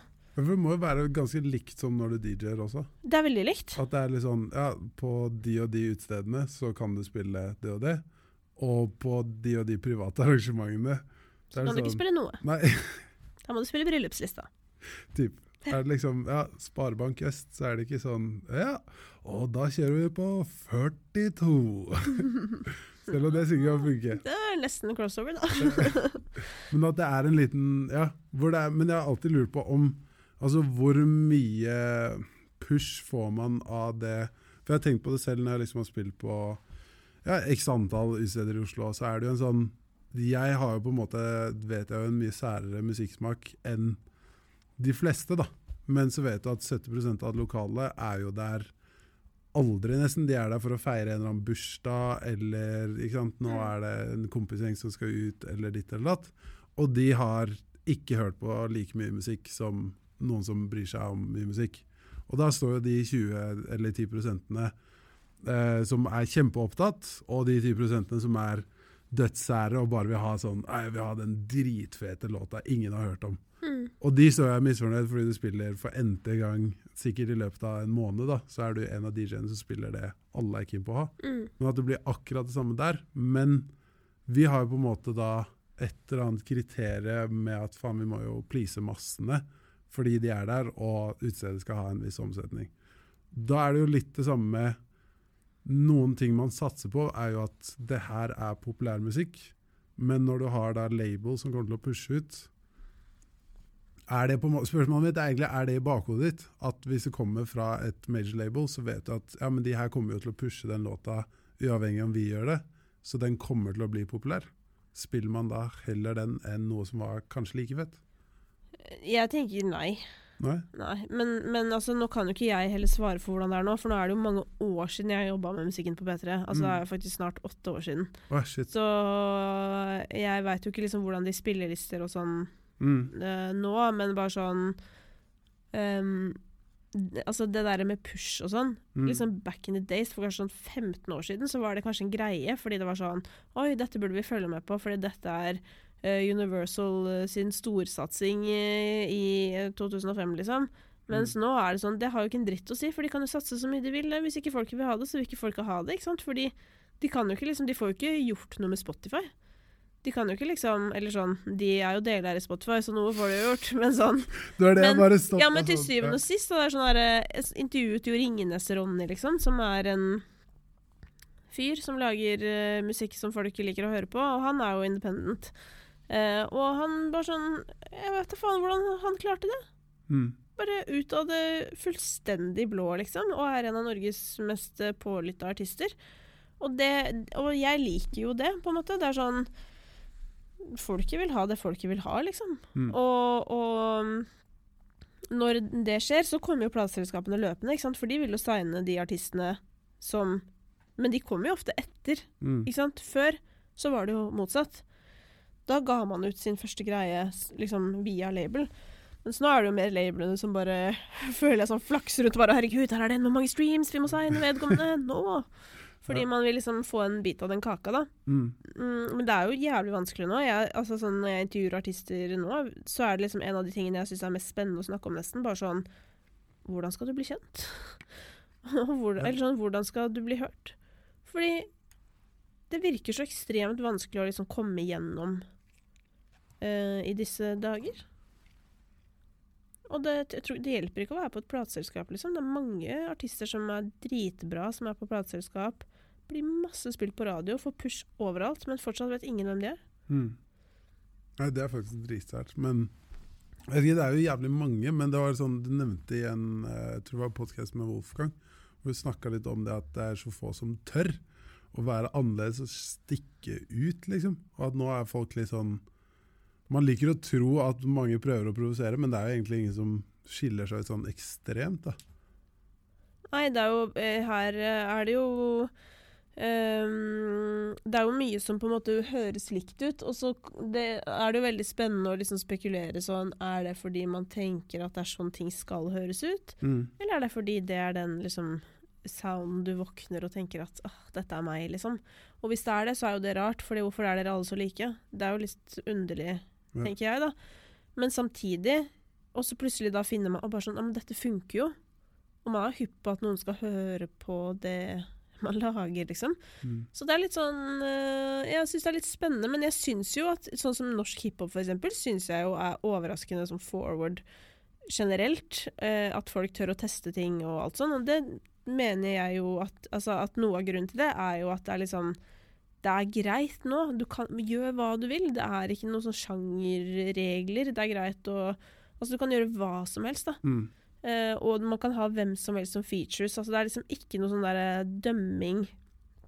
Jeg tipper liksom Ja, eller uh, uh, Jeg blir ikke overraska hvis liksom Unge Ferrari lager en låt med Tix neste uke, hvis du skjønner. Altså, det Mm. er ikke liksom noe eh, sånn kjipe greier lenger. Og det syns jeg er sinnssykt fett, fordi det er bare ødeleggende, mener jeg, da. Dritfett. Yes. altså. Er det noen andre kunstformer som du tar inn, som du digger? Eh, dans. Mm. er eh, jeg veldig Altså, jeg har alltid vært veldig glad i dans. Sånn derre Hver gang det kommer en dansevideo i feeden min, det gjør det jo ganske ofte fordi jeg ofte ser på det, så hvis jeg går på Explore på Insta, så er det masse greier. Det er sånn jeg kan gråte hver gang, liksom. Jeg får helt gåsehud. Jeg, jeg får helt sånn Å, fy faen, det er så fett. Og har brukt masse tid på å lære meg sånn musikkvideodanser og sånn opp igjennom. Men det også her, det er også sånn interessant greie, fordi jeg dansa da jeg var liten, sånn freestyle som alle jenter drev med på sine yngre dager. Som jeg betaler for den dag i dag, med beininbetennelse i begge beina. Men det er en annen sak. Men, øh, og jeg, jeg fikk det liksom ikke til. Jeg var ikke flink, på en måte. Hadde jo rytme og alt det her, men jeg bare tydeligvis klarte det ikke. Og så dansa jeg ikke på mange år, for jeg mista jo helt selvtilliten av å holde på med de greiene der. Det var, ble mye sånn akrobatikk etter hvert òg, som jeg jo ikke klarte. Jeg er stiv som en stokk. Så begynte jeg jo å jobbe på Sats, eller Elixia som det het da. Og jeg har jo jobba der i 18-19 år eller noe sånt. Heftig.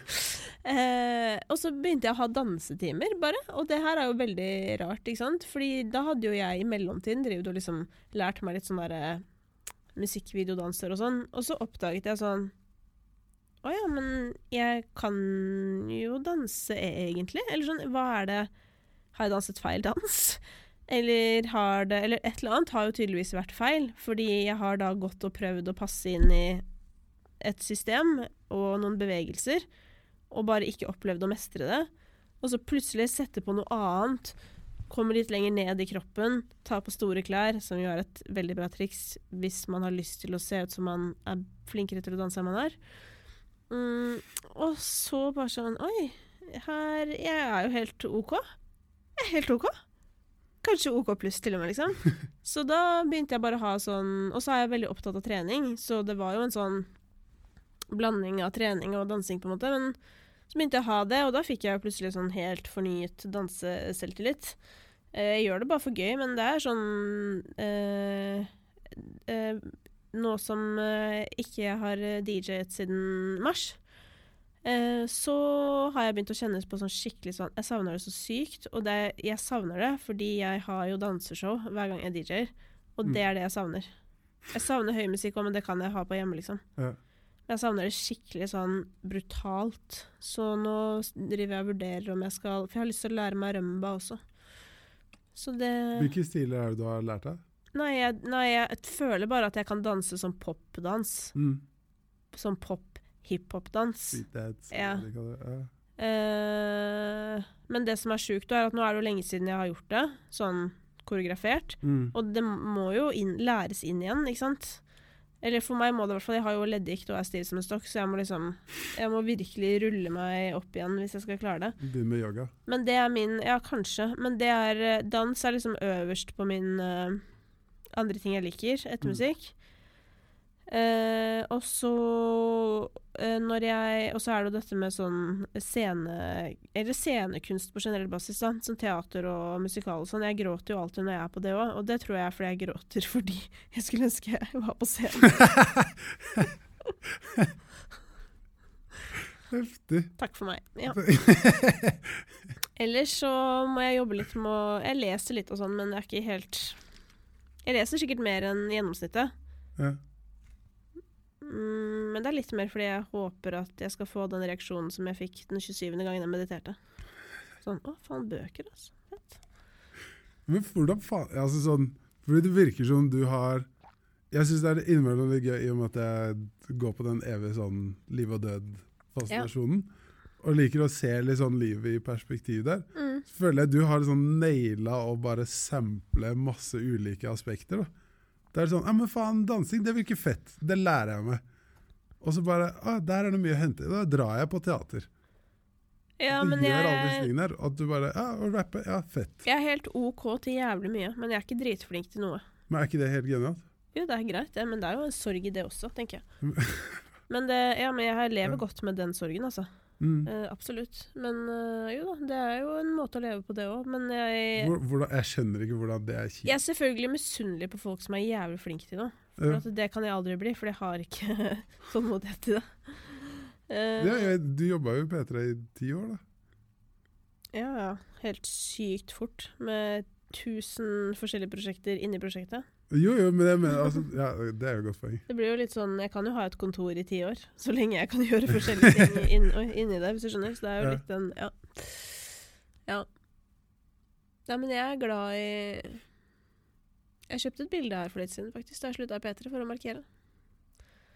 Men jeg, jeg står ikke og ser på det, liksom. Så tenker sånn hmm. Nei? Nei. Hva med, hva med gallerier og utstillinger? Nei, får jeg ikke helt Nei. Nei. Jeg hadde en sånn åpenbaring hvor jeg begynte å se på det som musikk. Oi. At det var sånn, En eller annen dag så bare klaffa det, og så var det sånn Oi, men faen, hvis jeg bare Hva, hva slags låt ville det her vært, liksom? Det syns jeg var veldig fint. Anbefales å teste. Oi. Ja, kanskje det. Jeg er, veldig sånn, jeg er glad i liksom installasjoner og lys og sånn, men jeg er glad i det på, en måte på den kreative måten. Og det samme kan være bilder, at jeg kan sitte og se på ting, for jeg bare syns det ser så jævlig rått ut. Mm. Men det er ikke sånn at jeg får en sånn emosjonell opplevelse av det som jeg får av musikk, f.eks. Nei. det er godt. Kosthold og aktivitet og sånn. Du Ja. har vært litt sånn innom det. Men hvordan er du med oss, alt du spiser og putter i kroppen? Ja, ikke spesielt nøye. Nei. Eh, jeg tenker ofte at jeg skal være det, men jeg har òg liksom Jeg føler at jeg har fått en uh, veldig stor gave i livet. Og det er at jeg har ikke problemer med hvordan jeg ser ut. Og det har jeg tatt for gitt lenge, liksom. Bare tenkt alltid sånn der når folk snakker om at de føler seg feil, på en måte, og og veldig mange gjør jo det. Både kvinner og menn og jenter og gutter. Mm. Så jeg har alltid vært litt sånn Jøss. Eller så rart på en måte. Men så hadde jeg jo en sånn Jeg ble veldig mobba på videregående for rumpa mi. At den var så stor at jeg trengte to stoler og sånn. Skjæra til dere. Nei da. Men uh, det rare var at det var en skikkelig stor gutt som mobbet meg for det mest. Så jeg tok han faktisk til side og sa bare sånn Jævlig rart at du mobber meg når du ser sånn ut selv. Mm. Så Vil du bli mobba tilbake, liksom? Eller hva? Ja. Eh, Videregående. På videregående, ja. Ja, er ikke det litt for sent? Det var det. Var det, det er det. bare, Det er jævlig liksom rart. jeg smaker på det. Bare, Hvordan faen så videregående ut igjen? Nei, det var jo helt Nei, man mobba ikke hverandre på grunn av det da, føler jeg. Nei, det, ja. Nei, men um, det var ikke populært å ha rumpe mm. i 2000. jeg, jeg, jeg, jeg, jeg føler man må presisere det. Ja. sånn, Nå hadde det sikkert vært ja, ja. sykt kult. Faen, jeg er for liten. Ja. Eh, ja. Så Nei, så Men Og da ble jeg selvfølgelig lei meg, men, men jeg syns jo egentlig ikke det var et problem selv. Eh, men så har jeg liksom tenkt i ettertid bare sånn Fy faen, liksom. Jeg er så glad for at jeg ikke har hatt det problemet, fordi det er så mange som har liksom tenker så mye på mat og trening, og på en negativ måte, da.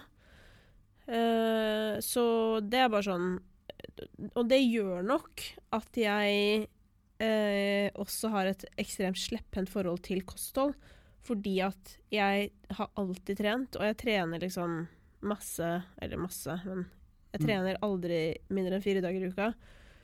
Og går mye på tur, og du vet sånn Føler liksom at jeg leverer godt på det feltet i livet. Og så har jeg også den, eh, en fast unnskyldning i livet, som er at jeg gjør jo så jævlig mye, så jeg kan jo ikke gjøre noe mer nå. Men det er jo interessant at jeg får alltid plass til et prosjekt til, men jeg får aldri plass til å gjøre noe med kostholdet. um, så det er Jeg er eh, Jeg har um, Jeg har dette, Jeg føler dette er på en måte litt kjedelig, men det er jo Du vet når du går i butikken, ikke sant? Og så har noen kanskje en sånn der eh, svakhet for melkesjokolade, eller hele sjokoladehylla, da. Mm. Og så må de gå liksom fort forbi der, fordi Hvis ikke så skjer det, liksom. Tar du sjokoladen. Mens for meg så Det problemet, det bare varer hele butikken for meg. Jeg, jeg digger Ja. alt, jeg. når Ja. ikke burde spise. Alt Ja, men det var det, jeg det var det jeg så for meg, at du bare går ekstra sakte da og bare uh, nice. chill Jeg kjøper smågodt nesten hver dag. Ja. Og så bortsett fra i verste, korona, dag. i verste korona så hadde jeg litt bedre kosthold, for da spiste jeg ikke smågodt, for da tenkte jeg at det var korona inni smågodtet. Ja. Og fordi jeg hadde snakket med Wolfgang Wee som hater smågodt, og han sa masse dritt om, meg, om smågodt til meg, og da, jeg, da var jeg av jeg likte måten du forsaka sa masse dritt om meg. Og da begynte jeg å spise Fissipop i stedet. Som er sånn godt og blanda pose, men den heter Fissipop. Så er sånn derre Brusflasker. I hvert fall så begynte jeg å spise, så fikk jeg så jævlig dilla på det. Og da begynte jeg å kjøpe det hver dag i stedet. Mm, og så hvis det er en dag jeg For at det, er det som er det rare, er at på jobb Altså før, da jeg var yngre, så spiste jeg ofte godteri på skolen eller på jobben. Så jeg måtte liksom ha en treat på jobben, liksom. Mens etter jeg fikk en gøy jobb, som jeg nå har hatt veldig, veldig lenge, så spiser jeg aldri godteri på jobben. Men så kommer jeg hjem, og da er det så synd på meg, for jeg har jobba så hardt. Så da må jeg alltid ha smågodt. Og så eh, Men de dagene jeg da klarer å ikke kjøpe smågodt, så sitter jeg og Simon sitter i sofaen, og så ser vi Skulle vi kjøpt noe pops, eller? Ja. Men da Og da er jo Vi har dessverre butikk i kjelleren. Ja, ok, det er digg. Så nei, det er jo jævlig udigg. Så da er det rett ned på Munnpris og kjøpe kanskje noen pops. Og kanskje eh, potetgull, da, med sour cream and onion. Men nå har jeg blitt veldig lei av det, så nå skal jeg bytte potetgull. Nå har jeg bytta til Shit, det her er en paprika. skikkelig passion, altså. Ja, det er helt krise, altså. Det er helt krise, og det er liksom sånn Og jeg elsker å bake. Mm. Den skjønner jeg Ah. mye mer. For den er mer organisk, på en måte. Sånn, det er en eller annen seanse. Ja, og dette er også veldig interessant, for når det kommer til mat, ja. da skal jeg ikke ha noe eh, pre prefabrikata. Det- Da skal jeg lage den sjøl. Oh, ja. Og det skal være grønnsaker som jeg har skrelt med mine egne hender, og jeg skal gjerne meditere litt mens jeg holder på og tenker på hvor maten kommer fra og sånn. Men, Men godteri? eh, Mm, jeg bare, det er, det er, eh, jeg har bare tenkt at alle er sånn, men så ingen jeg kjenner er jo sånn som meg på det, så jeg skjønner jo Men så nå begynner jeg å tenke på Apropos døden, nå begynner jeg å tenke sånn Shit, kommer jeg til å dø snart? Fordi jeg spiser så jævlig mye godteri, og jeg har jo leddgikt, og sukker er jo ikke bra for Mm. noen sånn betennelsesting. Mm. Men så har jeg bare bestemt meg for at det er fake news. Jeg bare driter i det, liksom. Jeg, men det er helt jævlig, altså. Det er virkelig, liksom, egentlig. Nå bare spøker jeg det bort, men kanskje jeg Altså, det er jo heroin, liksom. Og det eh, klarer ikke jeg meg uten. I dag skulle jeg ikke kjøpe noe godteri, men så på vei hit så kjente jeg at jeg begynte å få litt sånn prikking, litt sånn lavt blodsukker, og da kjøpte jeg en cookie. Men jeg kjøpte den da på et sted som baker de selv. Ja. Så de var hjemmebakt. Det gjør jo saken mye bedre. Det gjør ja. Det er helt sjukt, altså. Det er, jeg føler at det er sånn jeg, altså jeg greier ikke å sette meg inn i det engang, den, hele den verden der. Men det er jo en sykt fet hangup å måtte ha. da. Hvis du koser Altså, jeg ser hvor lykkelig Jeg koser meg som faen. Ja, det er akkurat det som er hele problemet. Og det er det også sånn, psykologen min sier sånn derre Ja, du trenger jo kanskje ikke å ta det hver dag, liksom. Men så er det sånn, OK Og så si at jeg har klart det noen ganger, da, og vente i to dager uten, da. Og så den tredje dagen Jeg bare har så lyst på det. Og, vet, og det, er ikke sånn, altså, det er ikke sånn at jeg kjøper Det var det før, da. Mm. Så det har jeg avvent meg. Jeg kjøper ikke liksom kilo. tre kilo lenger. En halv kilo, det er ikke så mye. Hæ? Men ok, men jeg kjøper kanskje Men bare sånn, jeg har gått fra å kjøpe 300 gram da, til at jeg kanskje kjøper 150 gram. Det er fortsatt halvparten. Det er bedre. Og så spiser jeg den. Så tar jeg en gul banan, og så bare blir jeg så jævlig glad, liksom. Men det som er jævlig fucka, da, er at nå høres det ut som jeg bare elsker godteri så mye og har så godt forhold til det. Men vi vet jo alle på en måte at fett og sukker i hjernen er jo bare sånn hjernen bare ding. Det er jo rett i belønningssystemet. Ja, ja. Så det er er jo dopet igjen ditt, Det er narkotika, liksom. Så det er jo ikke bra. Men, øh, men jeg har det øh, ja, I perioder hvor jeg har klart å holde meg unna en god stund, så Mm. har jeg ikke det behovet lenger. Det går over. Men da blir jeg jo dritlei meg, for når jeg da spiser potetgull, da, Mm. og så blir jeg ikke så glad som jeg pleier, så er jo det jo jævlig kjipt. Det er jo det som er sykt, at man blir liksom Det er ikke sånn som dop sånn sett. For det er vel sånn da at hvis du har vært av, så trenger du mindre dose, hvis du skjønner. Jeg, altså, jeg husker det når jeg drev og slutta, for jeg sigga før. Ja. Og det var sånn når jeg hadde øhm, Nå er det jævlig lenge siden, men da husker jeg at de første, altså den første røyken din når du hadde hatt pause, den smakte dritt. Den smakte som den første. ja. Og det var ikke noe digg i det hele tatt. Bortsett fra hvis man var full, da. Da var det liksom sånn, da overstyrer du hele systemet. bare, ja, men det er digg. ja. Også, men liksom den tredje, fjerde, femte, og når du kjøper den første pakka igjen, og bare, ah, så er du rett tilbake igjen. Da er det dritdigg. Ikke sant. Men jeg ja, Apropos, det står en bolle her.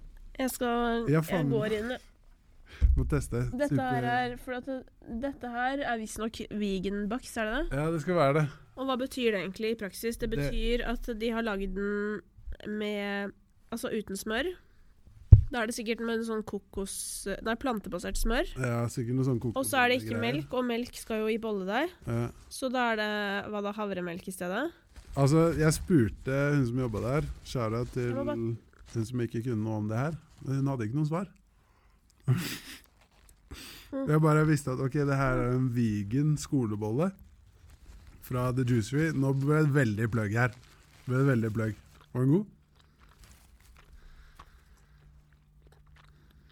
Mm. Du vet at sukker kan man spise i vegan kosthold, ikke sant? Så du kommer jo jævlig langt med å være veganer mm. også i godteriets verden. Mm. Mm, Det var jævlig mye sukker. Jeg var jo. men jeg tror ikke det er så vanskelig å være Jo, jeg må tenke igjen. Det var bare supermunch. Egg kan man ikke ta, man kan ikke ta melk og smør. Det er jo bare det man ikke kan putte i bolla. Mm. Og hvis erstatningene da funker, så er det jo Ja, for jeg ble overraska over hvor vanlig bolle det smakte. Ja. Men Den var jo ganske digg. Hvordan er den egge... Det her er jo helt sært å sitte for de som, Hva den eggegreia? de som Den hører er sikkert jævlig rar. Ja, Nå er det noen det. som bare hører på og ikke ser på. Ja, ja. Ah. Verdens verste radio. underholdning, sitte og høre Dette hadde jeg aldri Jeg hadde aldri gjort dette på radio. Å, unnskyld, herregud. Unnskyld for den lange godterisnakken nå. Ja, det er jo dritkjedelig. Ja. Dere skulle sett fjeset mitt, hvordan det så ut. Jeg så veldig glad ut. Mm, Du ser happy ut. Ja. Mm. Nå har jeg gått inn i det gule på skolebollen. Og det er jo det som egentlig er vanilje... Ja, men Mm. vaniljekrem Den var ikke like nice. Nei. Det er jo en liten del Vent da, av det. jeg skal smake bare en bit av den. Klipper du, eller? Nei, nei. Unnskyld. Jeg tror det her er det beste med hele sesongen. Den gangen jeg spiste bolle med Kristine. Ja. Unnskyld at jeg puster sånn ut, men det er fordi noen ganger er jeg litt tett i nesa. Jeg er jo kjent for å ha sånn forkjøla stemme. Det er for øvrig fordi jeg har en sykdom. Kronisk rinitt heter den. Men um, Nei, men Det er akkurat som det er jord oppi eggeplomma. Altså, det er noe gærent i eggeplomma. Og det er jo fordi det ikke er egg. Men når det er sagt Mm. når jeg tok, Det er jo sikkert derfor det er så mye melis på, for det kamuflerer jo at det er jord oppi eggeplomma. Eh, men nei, det var digg. Jeg skal ta en bit til, og så skal jeg slutte å være irriterende. Mm. Nei, jeg syns det var dritnice. jeg. Mm. Nei, jeg må ta et, et tema til som er, er litt sånn up the same alley. Ja. Med, sånn, med hva man bruker penger på, Ja. og hva man bruker tiden sin på. Ja. Så er det en sånn hva, Det var helt, Jeg syns det var en kjempebra liten del av dette programmet. her. Ja. Og bare spise og drikke litt. Ja. Oi. Mm. Da blir det veldig nedpå. Men Nei, men hva, hva er det du bruker mest penger på? Mat. Ja. Og godteri. Mm. Men mat. Altså definitivt. Ja. Uh, det er vel kanskje det, også det eneste jeg bruker penger på. Ja. Men du er jo alltid sånn superfly-kledd og alt mulig. Takk for at du sier det, Ja. men uh, jeg kjøper aldri klær. Eller det Jeg har, hatt, jeg har det i perioder. Men nå har jeg ikke hatt en sånn periode på flere år. Så det er også gøy hvis noen spør sånn Hva har du på? Så er det sånn Jeg vet ikke. Noe jeg kjøpte for fem år siden på en butikk. Mm, men, eh, men det er helt sinnssykt rart, det òg, for jeg var veldig opptatt av sånne ting før. Mm. Men jeg er veldig opptatt av sko, da. Altså sneakers, så det Mm. kjøper jeg. Ja. Så det kjøper jeg jo til min samboers store fortvilelse. Uh, men jeg merker liksom at interessen sånn før samla jeg liksom, og skulle ha den og den og den, og du vet, fylle ut samlingen-aktig. Okay, Så jeg har liksom falt av litt det. Nå er det mer sånn at liksom At det er det, det er det eneste som klarer å vekke min interesse nå, sånn klesmessig. Mm. Eller skomessig, da. Men øh, også hvis jeg trenger å se ut på en måte, fordi jeg skal noe eller noe, eh, så pleier jeg for det første å ikke bry meg om det, og ikke se ut på en måte. Eh, og hvis jeg absolutt må bry meg om det fordi det er konseptet, på en måte, Ja. mm, da Ja, for eksempel i forrige Ja, eller for litt siden så var jeg dommer på Stjernekamp, og da tenkte jeg sånn at jeg kunne ikke komme i en grønn hettegenser, liksom, fordi alle er så jævlig styla som jeg sitter rundt meg, på en måte. Så da er det ikke sånn at jeg skal ødelegge Ja, sånn, og ja. komme dit i en en T-skjorte, liksom. liksom. Ja. Selv om det er veldig meg, egentlig, å gjøre det. Men det gjør jeg ikke, da. Men da får jeg hjelp. Da ringer jeg Jens og sier sånn Jens Jeg vet ikke hvem Jens er. Nei, det er Jens, da. Han heter Jens. Jens Carlos. Ok. Eh, fet fyr som ordner klær. Eh, Nå hørtes det ut som han drev med noe ulovlig. Ja, da er det Jens Nei, Carlos. Jens Carlos, han er stylist. Ja, ja. Han styler Dagny og Ruben og sånn. ok, heftig. Eh, og er bare en sinnssykt hyggelig fyr. Mm. Eh, det er jo egentlig derfor jeg først og fremst ringte han. Eller jeg blir sånn Oi, en hyggelig fyr. Han kan jeg bli kjent med. Eh, nei, men så Og da ringer jeg han, og så sier jeg bare at jeg trenger noe. Dop? Nei da. jeg trenger en, en eh, noe pene klær. Ja. Ja, og så sender vi litt bilder, og så sier jeg sånn 'Den var fin', og så Heftig. hjelper jeg meg. Så det, Det er en verden jeg aldri har tenkt over. Nei, jeg har heller aldri tenkt over det, og, og det som er sånn Eller før. Mm, men så har det etter hvert blitt sånn OK, ting du hater Hvis, Altså, jeg bruker jo ingen penger, så hvorfor kan jeg ikke betale noen da for å gjøre ting jeg hater, på en måte? Det er jo en god idé, og besparelse av tid, tenkte jeg. Men så liksom var jeg litt sånn Og så har jeg jo øh, jobba med forskjellige stylister og sånn, ikke sant? Og så er det jo egentlig sånn at du, selv om du har en stylist, så må du egentlig engasjere deg selv også. Så det blir jo litt sånn Å, kan vi møtes der og prøve ting? Og så bare sånn Nei, nei. Jeg kan ikke prøve ting. Det er jo hele konseptet. At Jeg er ikke interessert. Altså, jeg bryr meg ikke, ikke så jeg vil jo ikke prøve ting. Eh, men så Og det er eh, Ja, så det er liksom sinnssykt nice nå, da. For nå føler jeg Før så turte jeg ikke å si det. Mm. Jeg turte ikke å si at jeg ikke bryr meg eh, at, Eller, jeg bryr meg jo om klær, for jeg har, jo ikke lyst til å, jeg har jo lyst til å se ut på en måte, hvis du Mm. skjønner. Men jeg engasjerer meg ikke i det. Altså, klarer, det fanger ikke min oppmerksomhet, da. Så ja, jeg turte ikke å si det før, så måtte jeg bare bruke jævlig mye tid på det. Uh, de gangene det var behov for det. Mens nå har jeg turt å si ifra. Sånn, jeg har noen venner som er sånn veldig opptatt av mote. Ja. Og de har liksom greid å smitte meg lite grann. Ja. Og jeg syns det er sånn Å ja, men det er litt fett å uttrykke seg på en eller annen måte gjennom Ja, da faen jeg, hvordan det ser ut. Det er, sånn, det er fortsatt en del av meg som er sånn Holy shit, det er så overflatisk og unødvendig, liksom. Hvor jeg er litt sånn behag, Eller komfort må være topp, da. ja, ja, men jeg skulle ønske jeg var mer interessert, altså.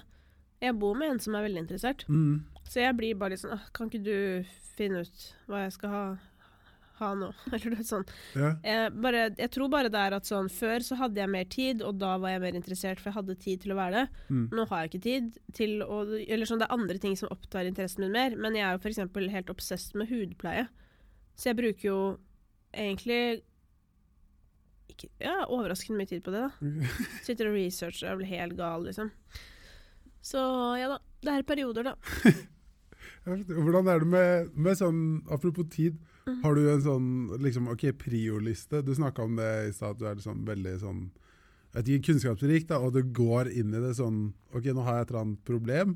Da bare lister du nedover, og så var tur Mm. nede på lista. Da begynner jeg å gjøre det. Har du sånn prioliste på uka di, måneden din, med hva du skal dunke inn? Og hva er det det er? Ja, jeg har ikke tid til å skrive for en måned og en uke, og sånt, for det blir for mye. Men jeg tar, prøver å gjøre det dag for dag. Mm. Eh, ofte så Altså, dette Jeg er jo eh, sinnssykt heldig som jobber med Noia, for man lærer jo så jævlig mye. Mm. Så jeg har jo lært at man prioriterer i ABC. Eh, det er må gjøres. A. B. Bør gjøres. C. Fint å få gjort. Fint å få gjort kan du bare stryke ut. Ta det bort. Det må ikke gjøres. Det bør heller ikke gjøres. Det er bare fint å få gjort. Så det er bare å ta det vekk. Det kan du ta en dag du har tid. Så da er det må gjøres og bør gjøres. Og det lister jeg opp eh, daglig. Eh, og så faktisk gjennom en gjest i Noia, så har jeg også begynt å stryke ut strike-through på Google eh, Docs.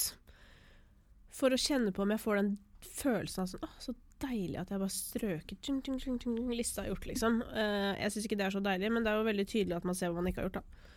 Så ja, så jeg jobber ganske sånn og skriver opp mye og sånn, og spesielt liksom i perioder hvor det er mye å gjøre, for da er det på en måte ikke Man må ikke stole på hjernen sin.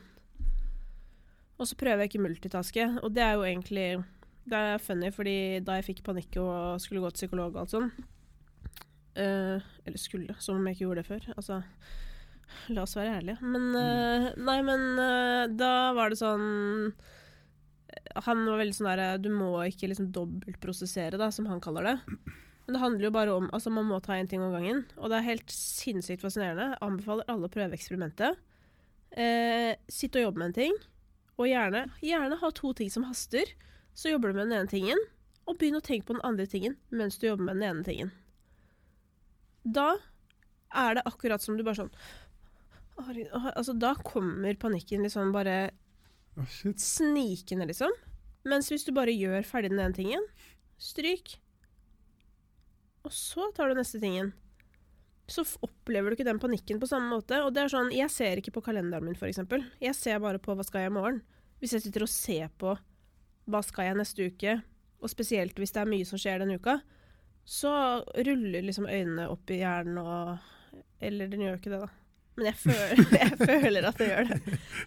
Altså, da, da mister jeg det, liksom. Det går ikke. Så én dag om gangen, én ting om gangen. Visstnok så blir du 40% mindre effektiv når du multitasker, så don't do it. 40 ja.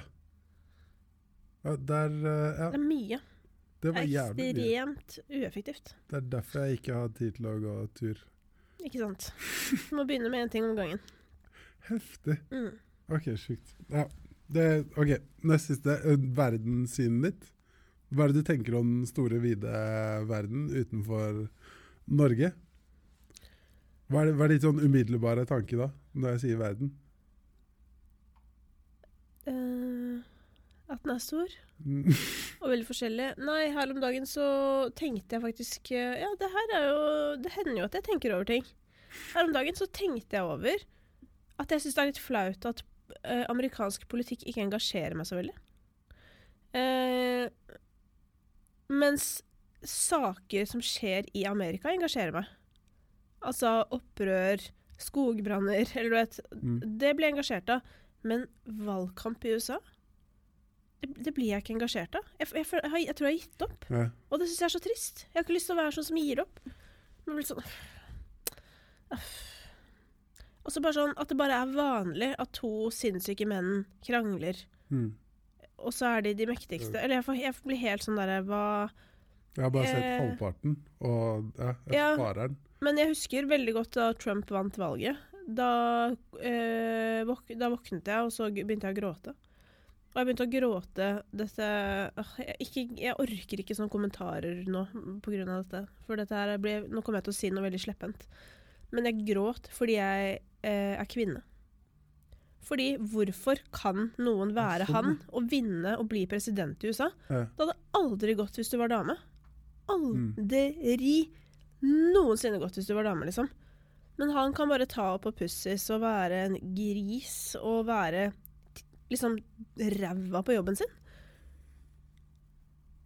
Og bare bli president i USA. Det er så drøyt.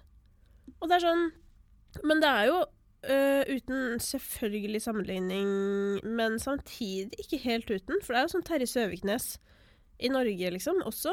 Uh, og at Trond Giske på en måte holdt på å bli tillitsvalgt på nytt Mm. too soon, liksom. Ja. Eller sånn too soon, hvis Ja, det det overhodet sånn- noensinne burde skje, Ja, liksom. og det der hadde aldri gått Hvis jeg på en måte gjør et slags overgrep mot Mm. en gutt, liksom, så får ikke jeg komme tilbake i jobben min. Og jeg skjønner ikke hvorfor menn får det. og Det irriterer meg så jævlig mye. Mm. Eh, så hvis jeg hadde satt meg veldig mye inn i hva som skjer i verden, så hadde jo nok eh, sånne ting vært eh, på toppen av det som irriterte meg, sammen med at barn ikke har rettigheter som de skal ha. Ja. Det må Mm. du utdype litt. Nei, bare liksom Når jeg har det dårlig, så er jo det første jeg tenker på, er jo barn i fattige land, liksom. Det er sånn Jeg tenker alltid på det. Uh, og det høres veldig sånn igjen sleppent ut, og det er det også noen ganger når du Jeg er sånn som sier Jeg har jo ansatte, på en måte, og når de stresser, så sier jeg alltid sånn Dere vet at det fins barn som ikke har mat, liksom. Og vi lager et program. mm. Eller sånn. Det er så jævlig uviktig, på en måte. Jo, men det er I den store sammenhengen. Ja, men det er akkurat den tankegangen her jeg bare har i mitt eget liv i forhold til døden.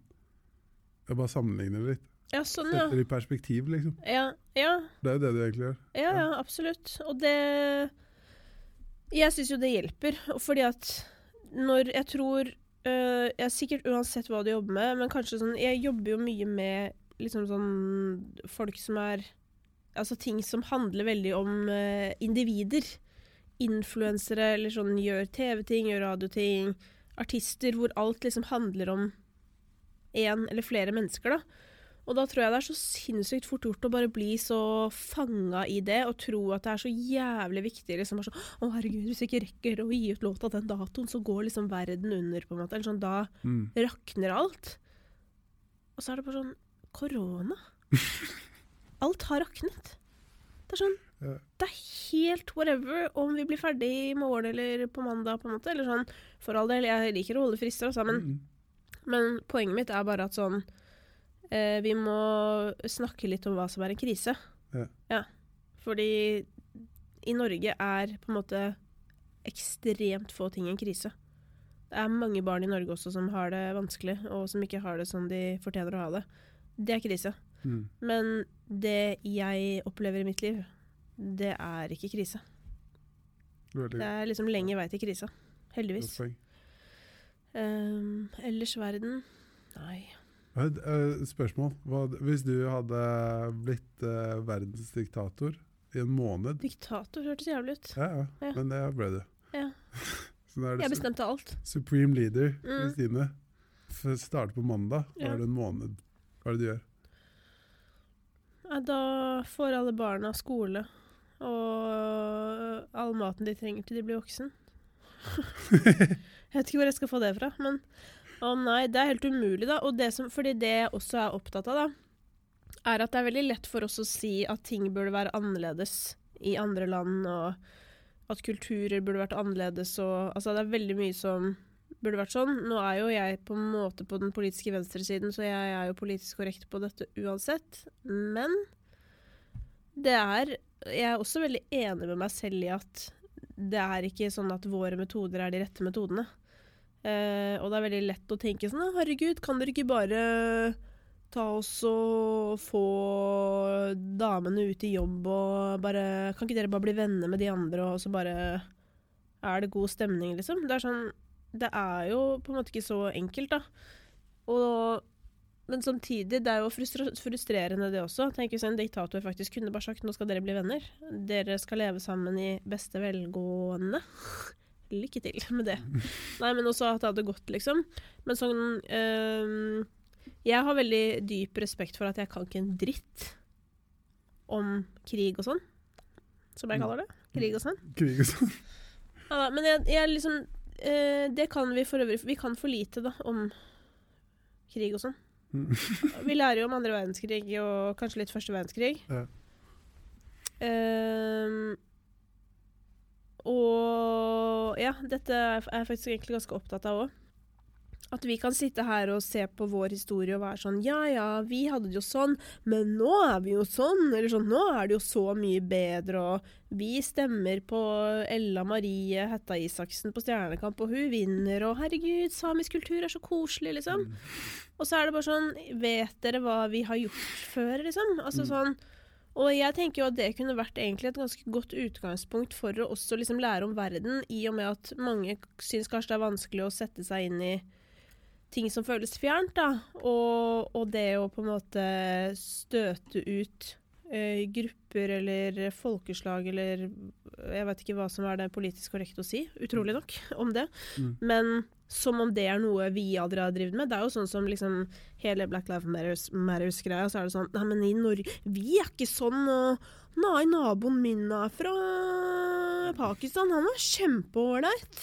Eller du vet, det er sånn sånn der, Det er ikke en vilje til å se at eh, det er strukturelle problemer, ikke sant? Og det er Nå vet jeg ikke hvor jeg beveger meg her, men eh, i alle disse solidaritetstingene som engasjerer meg, det være seg likestilling eller fattigdom eller eh, diskriminering, så tror jeg at i mange tilfeller så handler det kanskje ikke om en Altså, i noen tilfeller så gjør det absolutt det, altså. Men ofte så handler det ikke om et ønske om å være jævlig fra noen.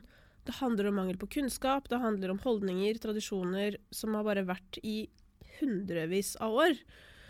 Eh, men hvis vi ikke gjør noe med det, hvis vi ikke snakker om det, så, så blir det heller aldri annerledes, da. Mm. Og holdningsarbeid er det vanskeligste arbeidet som fins. Og det å være sånn derre Nei, men vi er ikke sånn, og vi trenger ikke det og sånn. Det er på en måte sånn I mine ører litt sånn Jeg blir lei meg av det, da. For da blir jeg sånn Å ja, du har ikke, så du har ikke lyst til å forandre deg, eller Du har ikke lyst til at vi skal bli bedre, eller Du skal bare sitte på stedet hvil. Den er god. Det syns jeg er rart. Ja, for det er litt sånn sagt- der å akseptere det bare som det er. Ja, og bare sånn Nei, jeg tror ikke at du prøver å diskriminere noen med vilje. Men vi alle gjør det. Mm. Så derfor må vi liksom snakke om det. Fordi det er jo åpenbart eh, forskjellsbehandling og diskriminering også i Norge. Mm. Og, og jeg tror mye av det Fordi all, liksom alle, i hvert fall i gåstegn bedrifter og sånn, vil jo gjøre noe med det. Og da må man jo spørre seg hva er årsaken til at vi fortsatt ikke gjør det. Da hjelper det ikke bare å si Nei, men jeg synes det, jeg er åpen for hva som helst, ja. Ja, det ser, det ser ikke sånn ut. Jeg tror på det, Ja. men det er likevel et eller annet som eh, ikke liksom er helt likt for alle, da. Mm. Jeg er sånn, det, du er jo egentlig ganske optimistisk, da. på en måte, på at ja, men verden blir bedre og bedre. da. Ja, du kan jo, ja, man kan jo ikke være noe annet. Da må man jo ta reperen, liksom. Mm. Eller noe. Ja, men jeg blir veldig deppa av sånn Jeg har jo ikke lyst på barn, grunn av verden. Ja, Så det er jo liksom på Jeg, grunn av verden. ja, eller sånn, jeg, vil, jeg syns det er grusomt at noen må vokse opp nå, liksom. Jeg får veldig Mm. vondt av mine familiemedlemmer og sånn som skal på Instagram om to år, hvis du skjønner. Ja, sånn, ja. ja. Og det er jo bare starten. Eller sånn, det er jo små problemer her. Ja. Men selv her, liksom. Jeg syns altså, det er jo Det er ganske vanskelig å være menneske, da. Mm. Jeg føler er at faen meg ganske rått også. Jeg skal tenke litt Ja. på det. Jeg skal tenke litt på det. Faen, det er en ting jeg snakka med um, uh, Jack, vi hadde her også, som er um, Jack Hermansen, UFC-fighter og sånn. Og så snakka vi om uh, det på en måte når hjernen løp løpsk. Og det kom jeg på, det må jeg egentlig snakke med deg om òg, fordi søstera mi Maja hun, uh, hadde en setning. Hun sa at irrasjonell frykt må vi um, på en måte åh, Replace? Faen, jeg kommer ikke på Erstatte. Erstatte, takk skal du ha, med rasjonell frykt. Og at det er en sånn Hvis man har et eller annet OK, hjernen surrer, så er det litt satt i lys av at vi har det på en måte bedre og bedre i verden.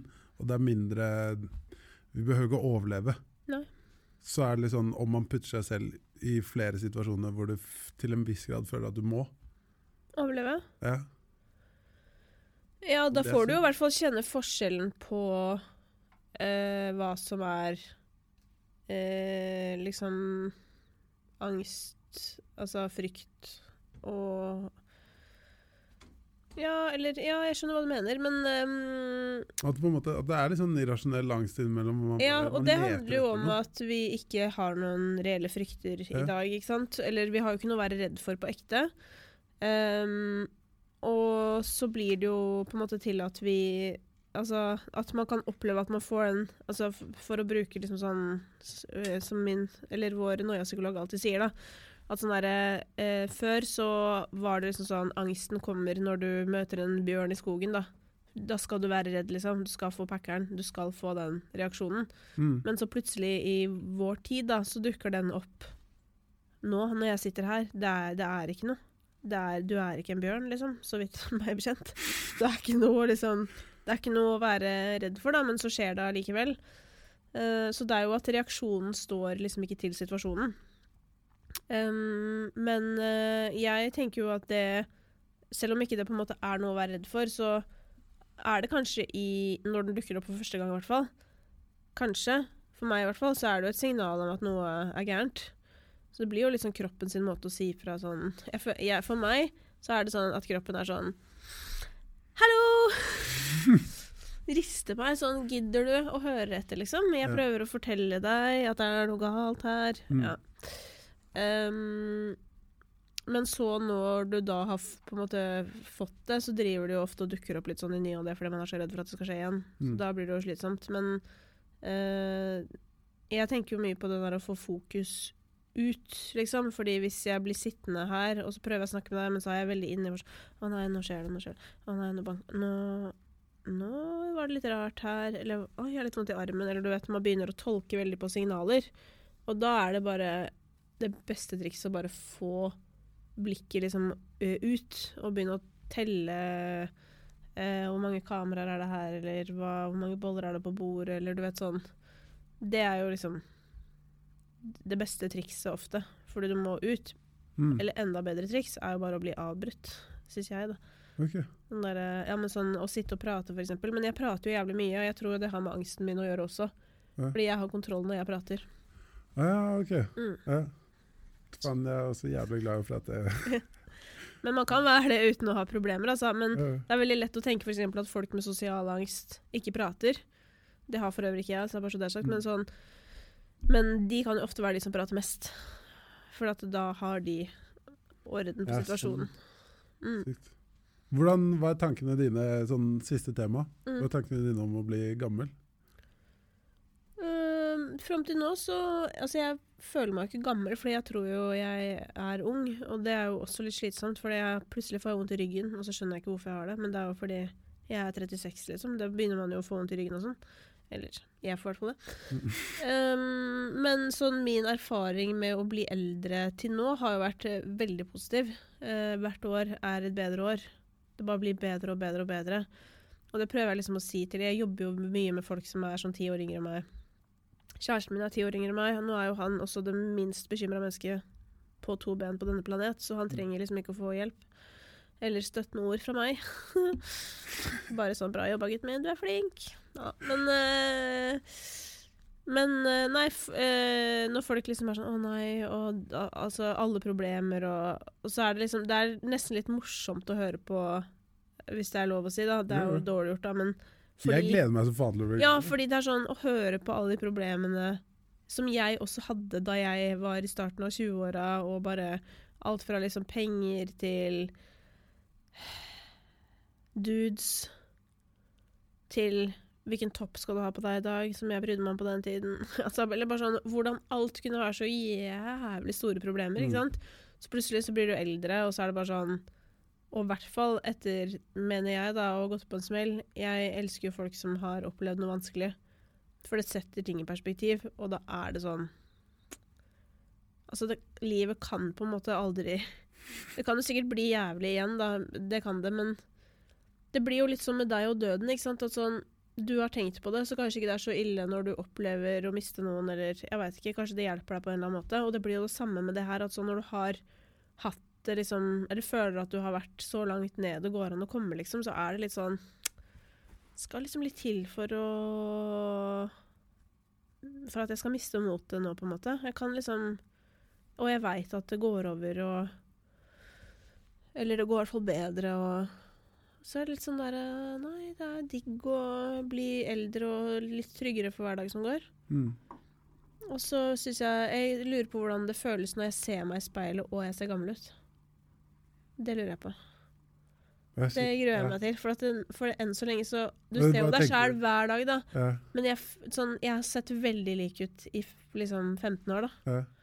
Så Men bare plutselig så bare Kanskje jeg bare plutselig liksom bare mister hår og blir sånn her. Jeg vet ikke. Jeg er bare spent på det. Jeg er spent på det. Jeg lurer på hvor lenge det holder, liksom. Hvor lenge holder dette? Men det går så grad... Ja. Jeg må begynne Du med sånn her. ja. Du putta opp et sånt scenario i hodet mitt hvor du plutselig var sånn En dag våkner du opp så bare Jeg er gammel. Ja, man kan ta på sånn filter, da. Ja. På eh, eh, Snap så blir det det. Ja. Mm. Men det er en sånn en ting jeg tenkt på, sånn bortsett fra altså, Selvfølgelig så er det jo kjipt med alle skavanker og alt mulig drit man skal ha når kroppen bare forfaller sakte, men sikkert. Ja. Men det er også et eller annet fint, syns jeg, liksom om du, liksom du er inne på at sånn Jeg var 31, men så jeg merker også at jeg har det bedre og bedre for hvert år, med meg selv i hvert fall. Ja. Og at det er sånn jeg er mer og mer nysgjerrig og mer og mer åpen for å lære mer om da faen jeg, noen universale sannheter og om meg selv og mine shortcomings og alt mulig. Og det må jo være jævlig digg å være han der eller hun der tilfredse sånn 80-åringen som bare er sånn Jeg er good, ass. Mm. Men jeg tror det er veldig smooth å bli gammel helt til det liksom ekte eh, Altså til helsen forfaller på ekte. Ja, sånn, ja. Da tror jeg ikke det er noe fett lenger. Altså Vi har nettopp produsert en podkast om eldres psykiske helse, Mm. faktisk. Og det er jo Altså når du blir Problemet er jo når du opplever liksom veldig mange tap. Tap av karriere, på en måte, for du må slutte på jobben, og det må du faktisk. Veldig mange steder så får man jo faktisk ikke lov å fortsette å jobbe. Mm. Så mister du den, liksom posisjonen din, eller hva jeg skal si. Og så mister du kanskje noen venner etter hvert, fordi folk begynner å dø rundt deg, liksom. Og så mister du helsa. Det være seg at du kan miste hørselen eller få vondt eller Ikke sant. Og når, alt, når du mister alle de tinga her, da tror jeg det begynner å bli meget utfordrende for den mentale helsen. Veldig godt poeng. Men fram til da, da er det faen meg fest, ass. Golden, Ja. golden years. Hva er det du ser etter i um, livspartneren din? Eh, det har jo Jeg har vært på en har jo Jeg har jo en, ja. ja, så jeg kan Bare- jo bare bruke han som eksempel, Mm. for jeg har jo vært på en liten jakt fram til det. Mm. Eh, jeg har jo Det har vært mye musikkfolk. Eh, naturlig nok, på en måte. Men eh, så jeg har, men jeg har trodd at jeg må, må Jeg har liksom gått på den smellen i veldig mange år at jeg har tenkt at jeg må ha en som forstår meg. Uh, meg, triste meg, liksom. Eller sånn uh, som må skjønne hva som skjer når jeg er liksom eh, deppa og lei meg og sånn. Så det har jeg jo ofte hatt, da. Det har jo vært litt slitsomt. Nå har jeg en som ikke forstår meg. Han har aldri opplevd noe lignende. Han skjønner ikke hva jeg snakker om. Altså over hodet, liksom. Han bare OK. Altså, for han er det liksom eh, kinesisk, liksom, som kommer ut av meg når jeg begynner. Og så sier han bare sånn Nå må du gå i dusjen. Fordi dusjen er min safe spot. Da. Sånn når det klikker for meg, så går jeg i dusjen, og så ofte så kommer jeg ut, og så er det bedre. Og hvis ikke det blir bedre, så sier han sånn Nå må du ringe ja, psykologen. Fordi han gidder ikke å høre på meg. På starten så syntes jeg det var helt sinnssykt, og var bare sånn shit, jeg må slå opp, liksom. Fordi han øh, Han gidder jo ikke å høre på meg. Herregud, så fornærmende. Uh, men så etter hvert så var jeg bare sånn Shit, dette er jo en gave. Fordi at uh, uh, folk som har veldig negative tanker om seg sjøl og det meste Altså, det, det, det, det må være begrenset hvor mye vi blir forstått. Vi skal ikke bli forstått i så altfor stor grad, tror jeg, da. For at det er bare ned et høl som aldri slutter. Og det er viktig å bare bli stoppa på vei ned, liksom. Og det opplever i hvert fall jeg at jeg blir, når jeg ikke får lov å snakke om det. Sånn, jeg blir stoppet hjemme, liksom. Og det er veldig, veldig bra. Uh, så jeg har jo aldri liksom uh, grublet så lite som jeg har gjort de siste syv årene. For det er liksom grubleforbud hjemme hos oss. I hvert fall sånn Ja, men du kan gå én runde. Du kan gå én runde, ikke sant? Ja. Og så kan du godt begynne på den neste, men det kommer ikke noe nytt ut av den tenkingen. Så da, du må stoppe etter runde én. Eh, så kan du eventuelt tenke på det dagen etter, hvis det er så jævla viktig. Og så kan du se om det har endra seg da, og hvis ikke, så må du slutte igjen. Og det prøver jeg å praktisere ganske nøye. Um, jeg må ja. bare stoppe og si 'mind blown'. ja. ja. da, men uh, jeg Det er jo som jeg sa, det er på en måte en gave å jobbe med noia, fordi jeg, det gjør at jeg må liksom lese mye om dette. Uh, snakke mye om det, finner ut mye, teste mye. Um, som jeg ikke, helt sikkert ikke hadde, hadde tålmodighet til å gjøre hvis ikke det var en del av jobben min på en eller annen måte. Mm, så jeg vil si å ikke bli forstått er kanskje Altså ikke bli forstått på mine uh, Hva skal jeg kalle det? Svake sider. Det er veldig, veldig bra. Mm, og så ellers så er det liksom bare den derre Du vet, uh, det er veldig klisjé, men sånn Du skal jo være den beste deg selv, på en måte når du er, hvis du skal være med noen, og hvis du er bedre uten. Eller hvis du føler deg begrensa eller. Flau, mm. eller Og dessverre hender det at jeg føler at jeg blir bitte litt begrensa av min samboer. Eh, fordi han er så flau. Han er flau. Så hvis vi går på gata, og jeg er jo alltid engasjert og bare 'Ja, herregud, i dag', ikke sant, så, så hadde jeg besøk av den, og han bare 'Å', og jeg bare 'Å', og det er bare sånn Og da er han noen ganger redd for at det skal se ut som at jeg eh, er opprørt og tenk hvis noen tror at jeg kjefter på han. han, er liksom, han er helt sånn, han hater oppmerksomhet. Det er det verste han vet. Så han elsker sikkert at jeg fortalte dette. Ja, det er det. eh, men eh, ja. Så ja, så akkurat sånn sett kan jeg føle meg litt begrenset at jeg ikke kan sånn. Men mm. for øvrig så er han liksom alltid stolt av meg og sånn. Og det Ikke at det er så veldig viktig sånn der at han må si at jeg må få skryt hjemme, men det er veldig digg å vite at sånn jeg vet at han ikke tenker på noe tidspunkt sånn Å, herregud. Om noe jeg gjør, da. Mm. Han, han, blir sånn Fy faen, så jævlig fett at du bare det, gjør det, liksom. Mm, og så, eh, når det kommer til sånn hva jeg syns er attraktivt med menn, da, fordi jeg, det er menn jeg liker selv om det er også tenkt på sånn åh, Skulle ønske jeg bare likte alle, så jeg kunne velge mellom alle, hvis du skjønner. Mm. Jeg har alltid tenkt faen, det virker som jackpot å være bi. Ja, bare deg eller deg, eller sånn. Men det er sikkert jævlig stress òg, da. Fordi det er jo veldig stress å ha valgmuligheter. Jeg tror jo det er grunnen til mye tristhet her i livet. Og sikkert mange Jeg har tenkt på det i etterkant òg. har jeg liksom tenkt meg om før jeg liksom eh, Det er jo dritfett, men så var det, å, det må være også jævlig kjipt å bli forelska i mange som da Majoriteten er jo hetero. Ja, sånn, ja. Så det er jævla kjipt å bare Ja, faen, men han var ikke keen på meg. Nei, nei Da da. det, ikke, Det det var ikke, et, ja, var ikke en mulighet engang. Nei.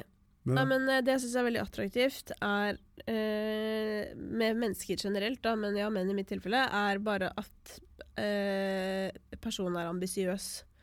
Og for meg så tror jeg faktisk det er øverst på lista, liksom. At det er vanskelig for meg å være sammen med noen som ikke har, har liksom ambisjoner for livet sitt. Når jeg elsker så mye å holde på med liksom jobbing, og at den det der å skape noe er så viktig for meg. Det er veldig rart å være med noen som bare hata jobben sin og eh, liksom levde for helgen-aktig. mm. Eh, så Og det er sånn det, Jeg blir liksom sykt stolt av min samboer også, fordi han på en måte har hatt en visjon og en ambisjon og jobba mot det og på en måte fått til det. Da blir jeg veldig sånn Det syns jeg er stas. Da blir jeg stolt. Heftig. Mm. Faen nice. ass. Siste spørsmål. Mm. Hva er viktig å få med seg i et livsløp? Erfaringer. Veldig kjedelig svar, men det er jo det viktige. Og ikke minst lære av de, kanskje. Sånn at uh, ting kan bli bedre både for deg selv og de rundt deg. Og planeten, forhåpentligvis. Boom. Ja. Nice. Fy faen, takk for praten, altså. Selv takk, det var hyggelig. Det var drithyggelig. Takk for bolla, den var god. Takk, Tisvi. Setter pris på det.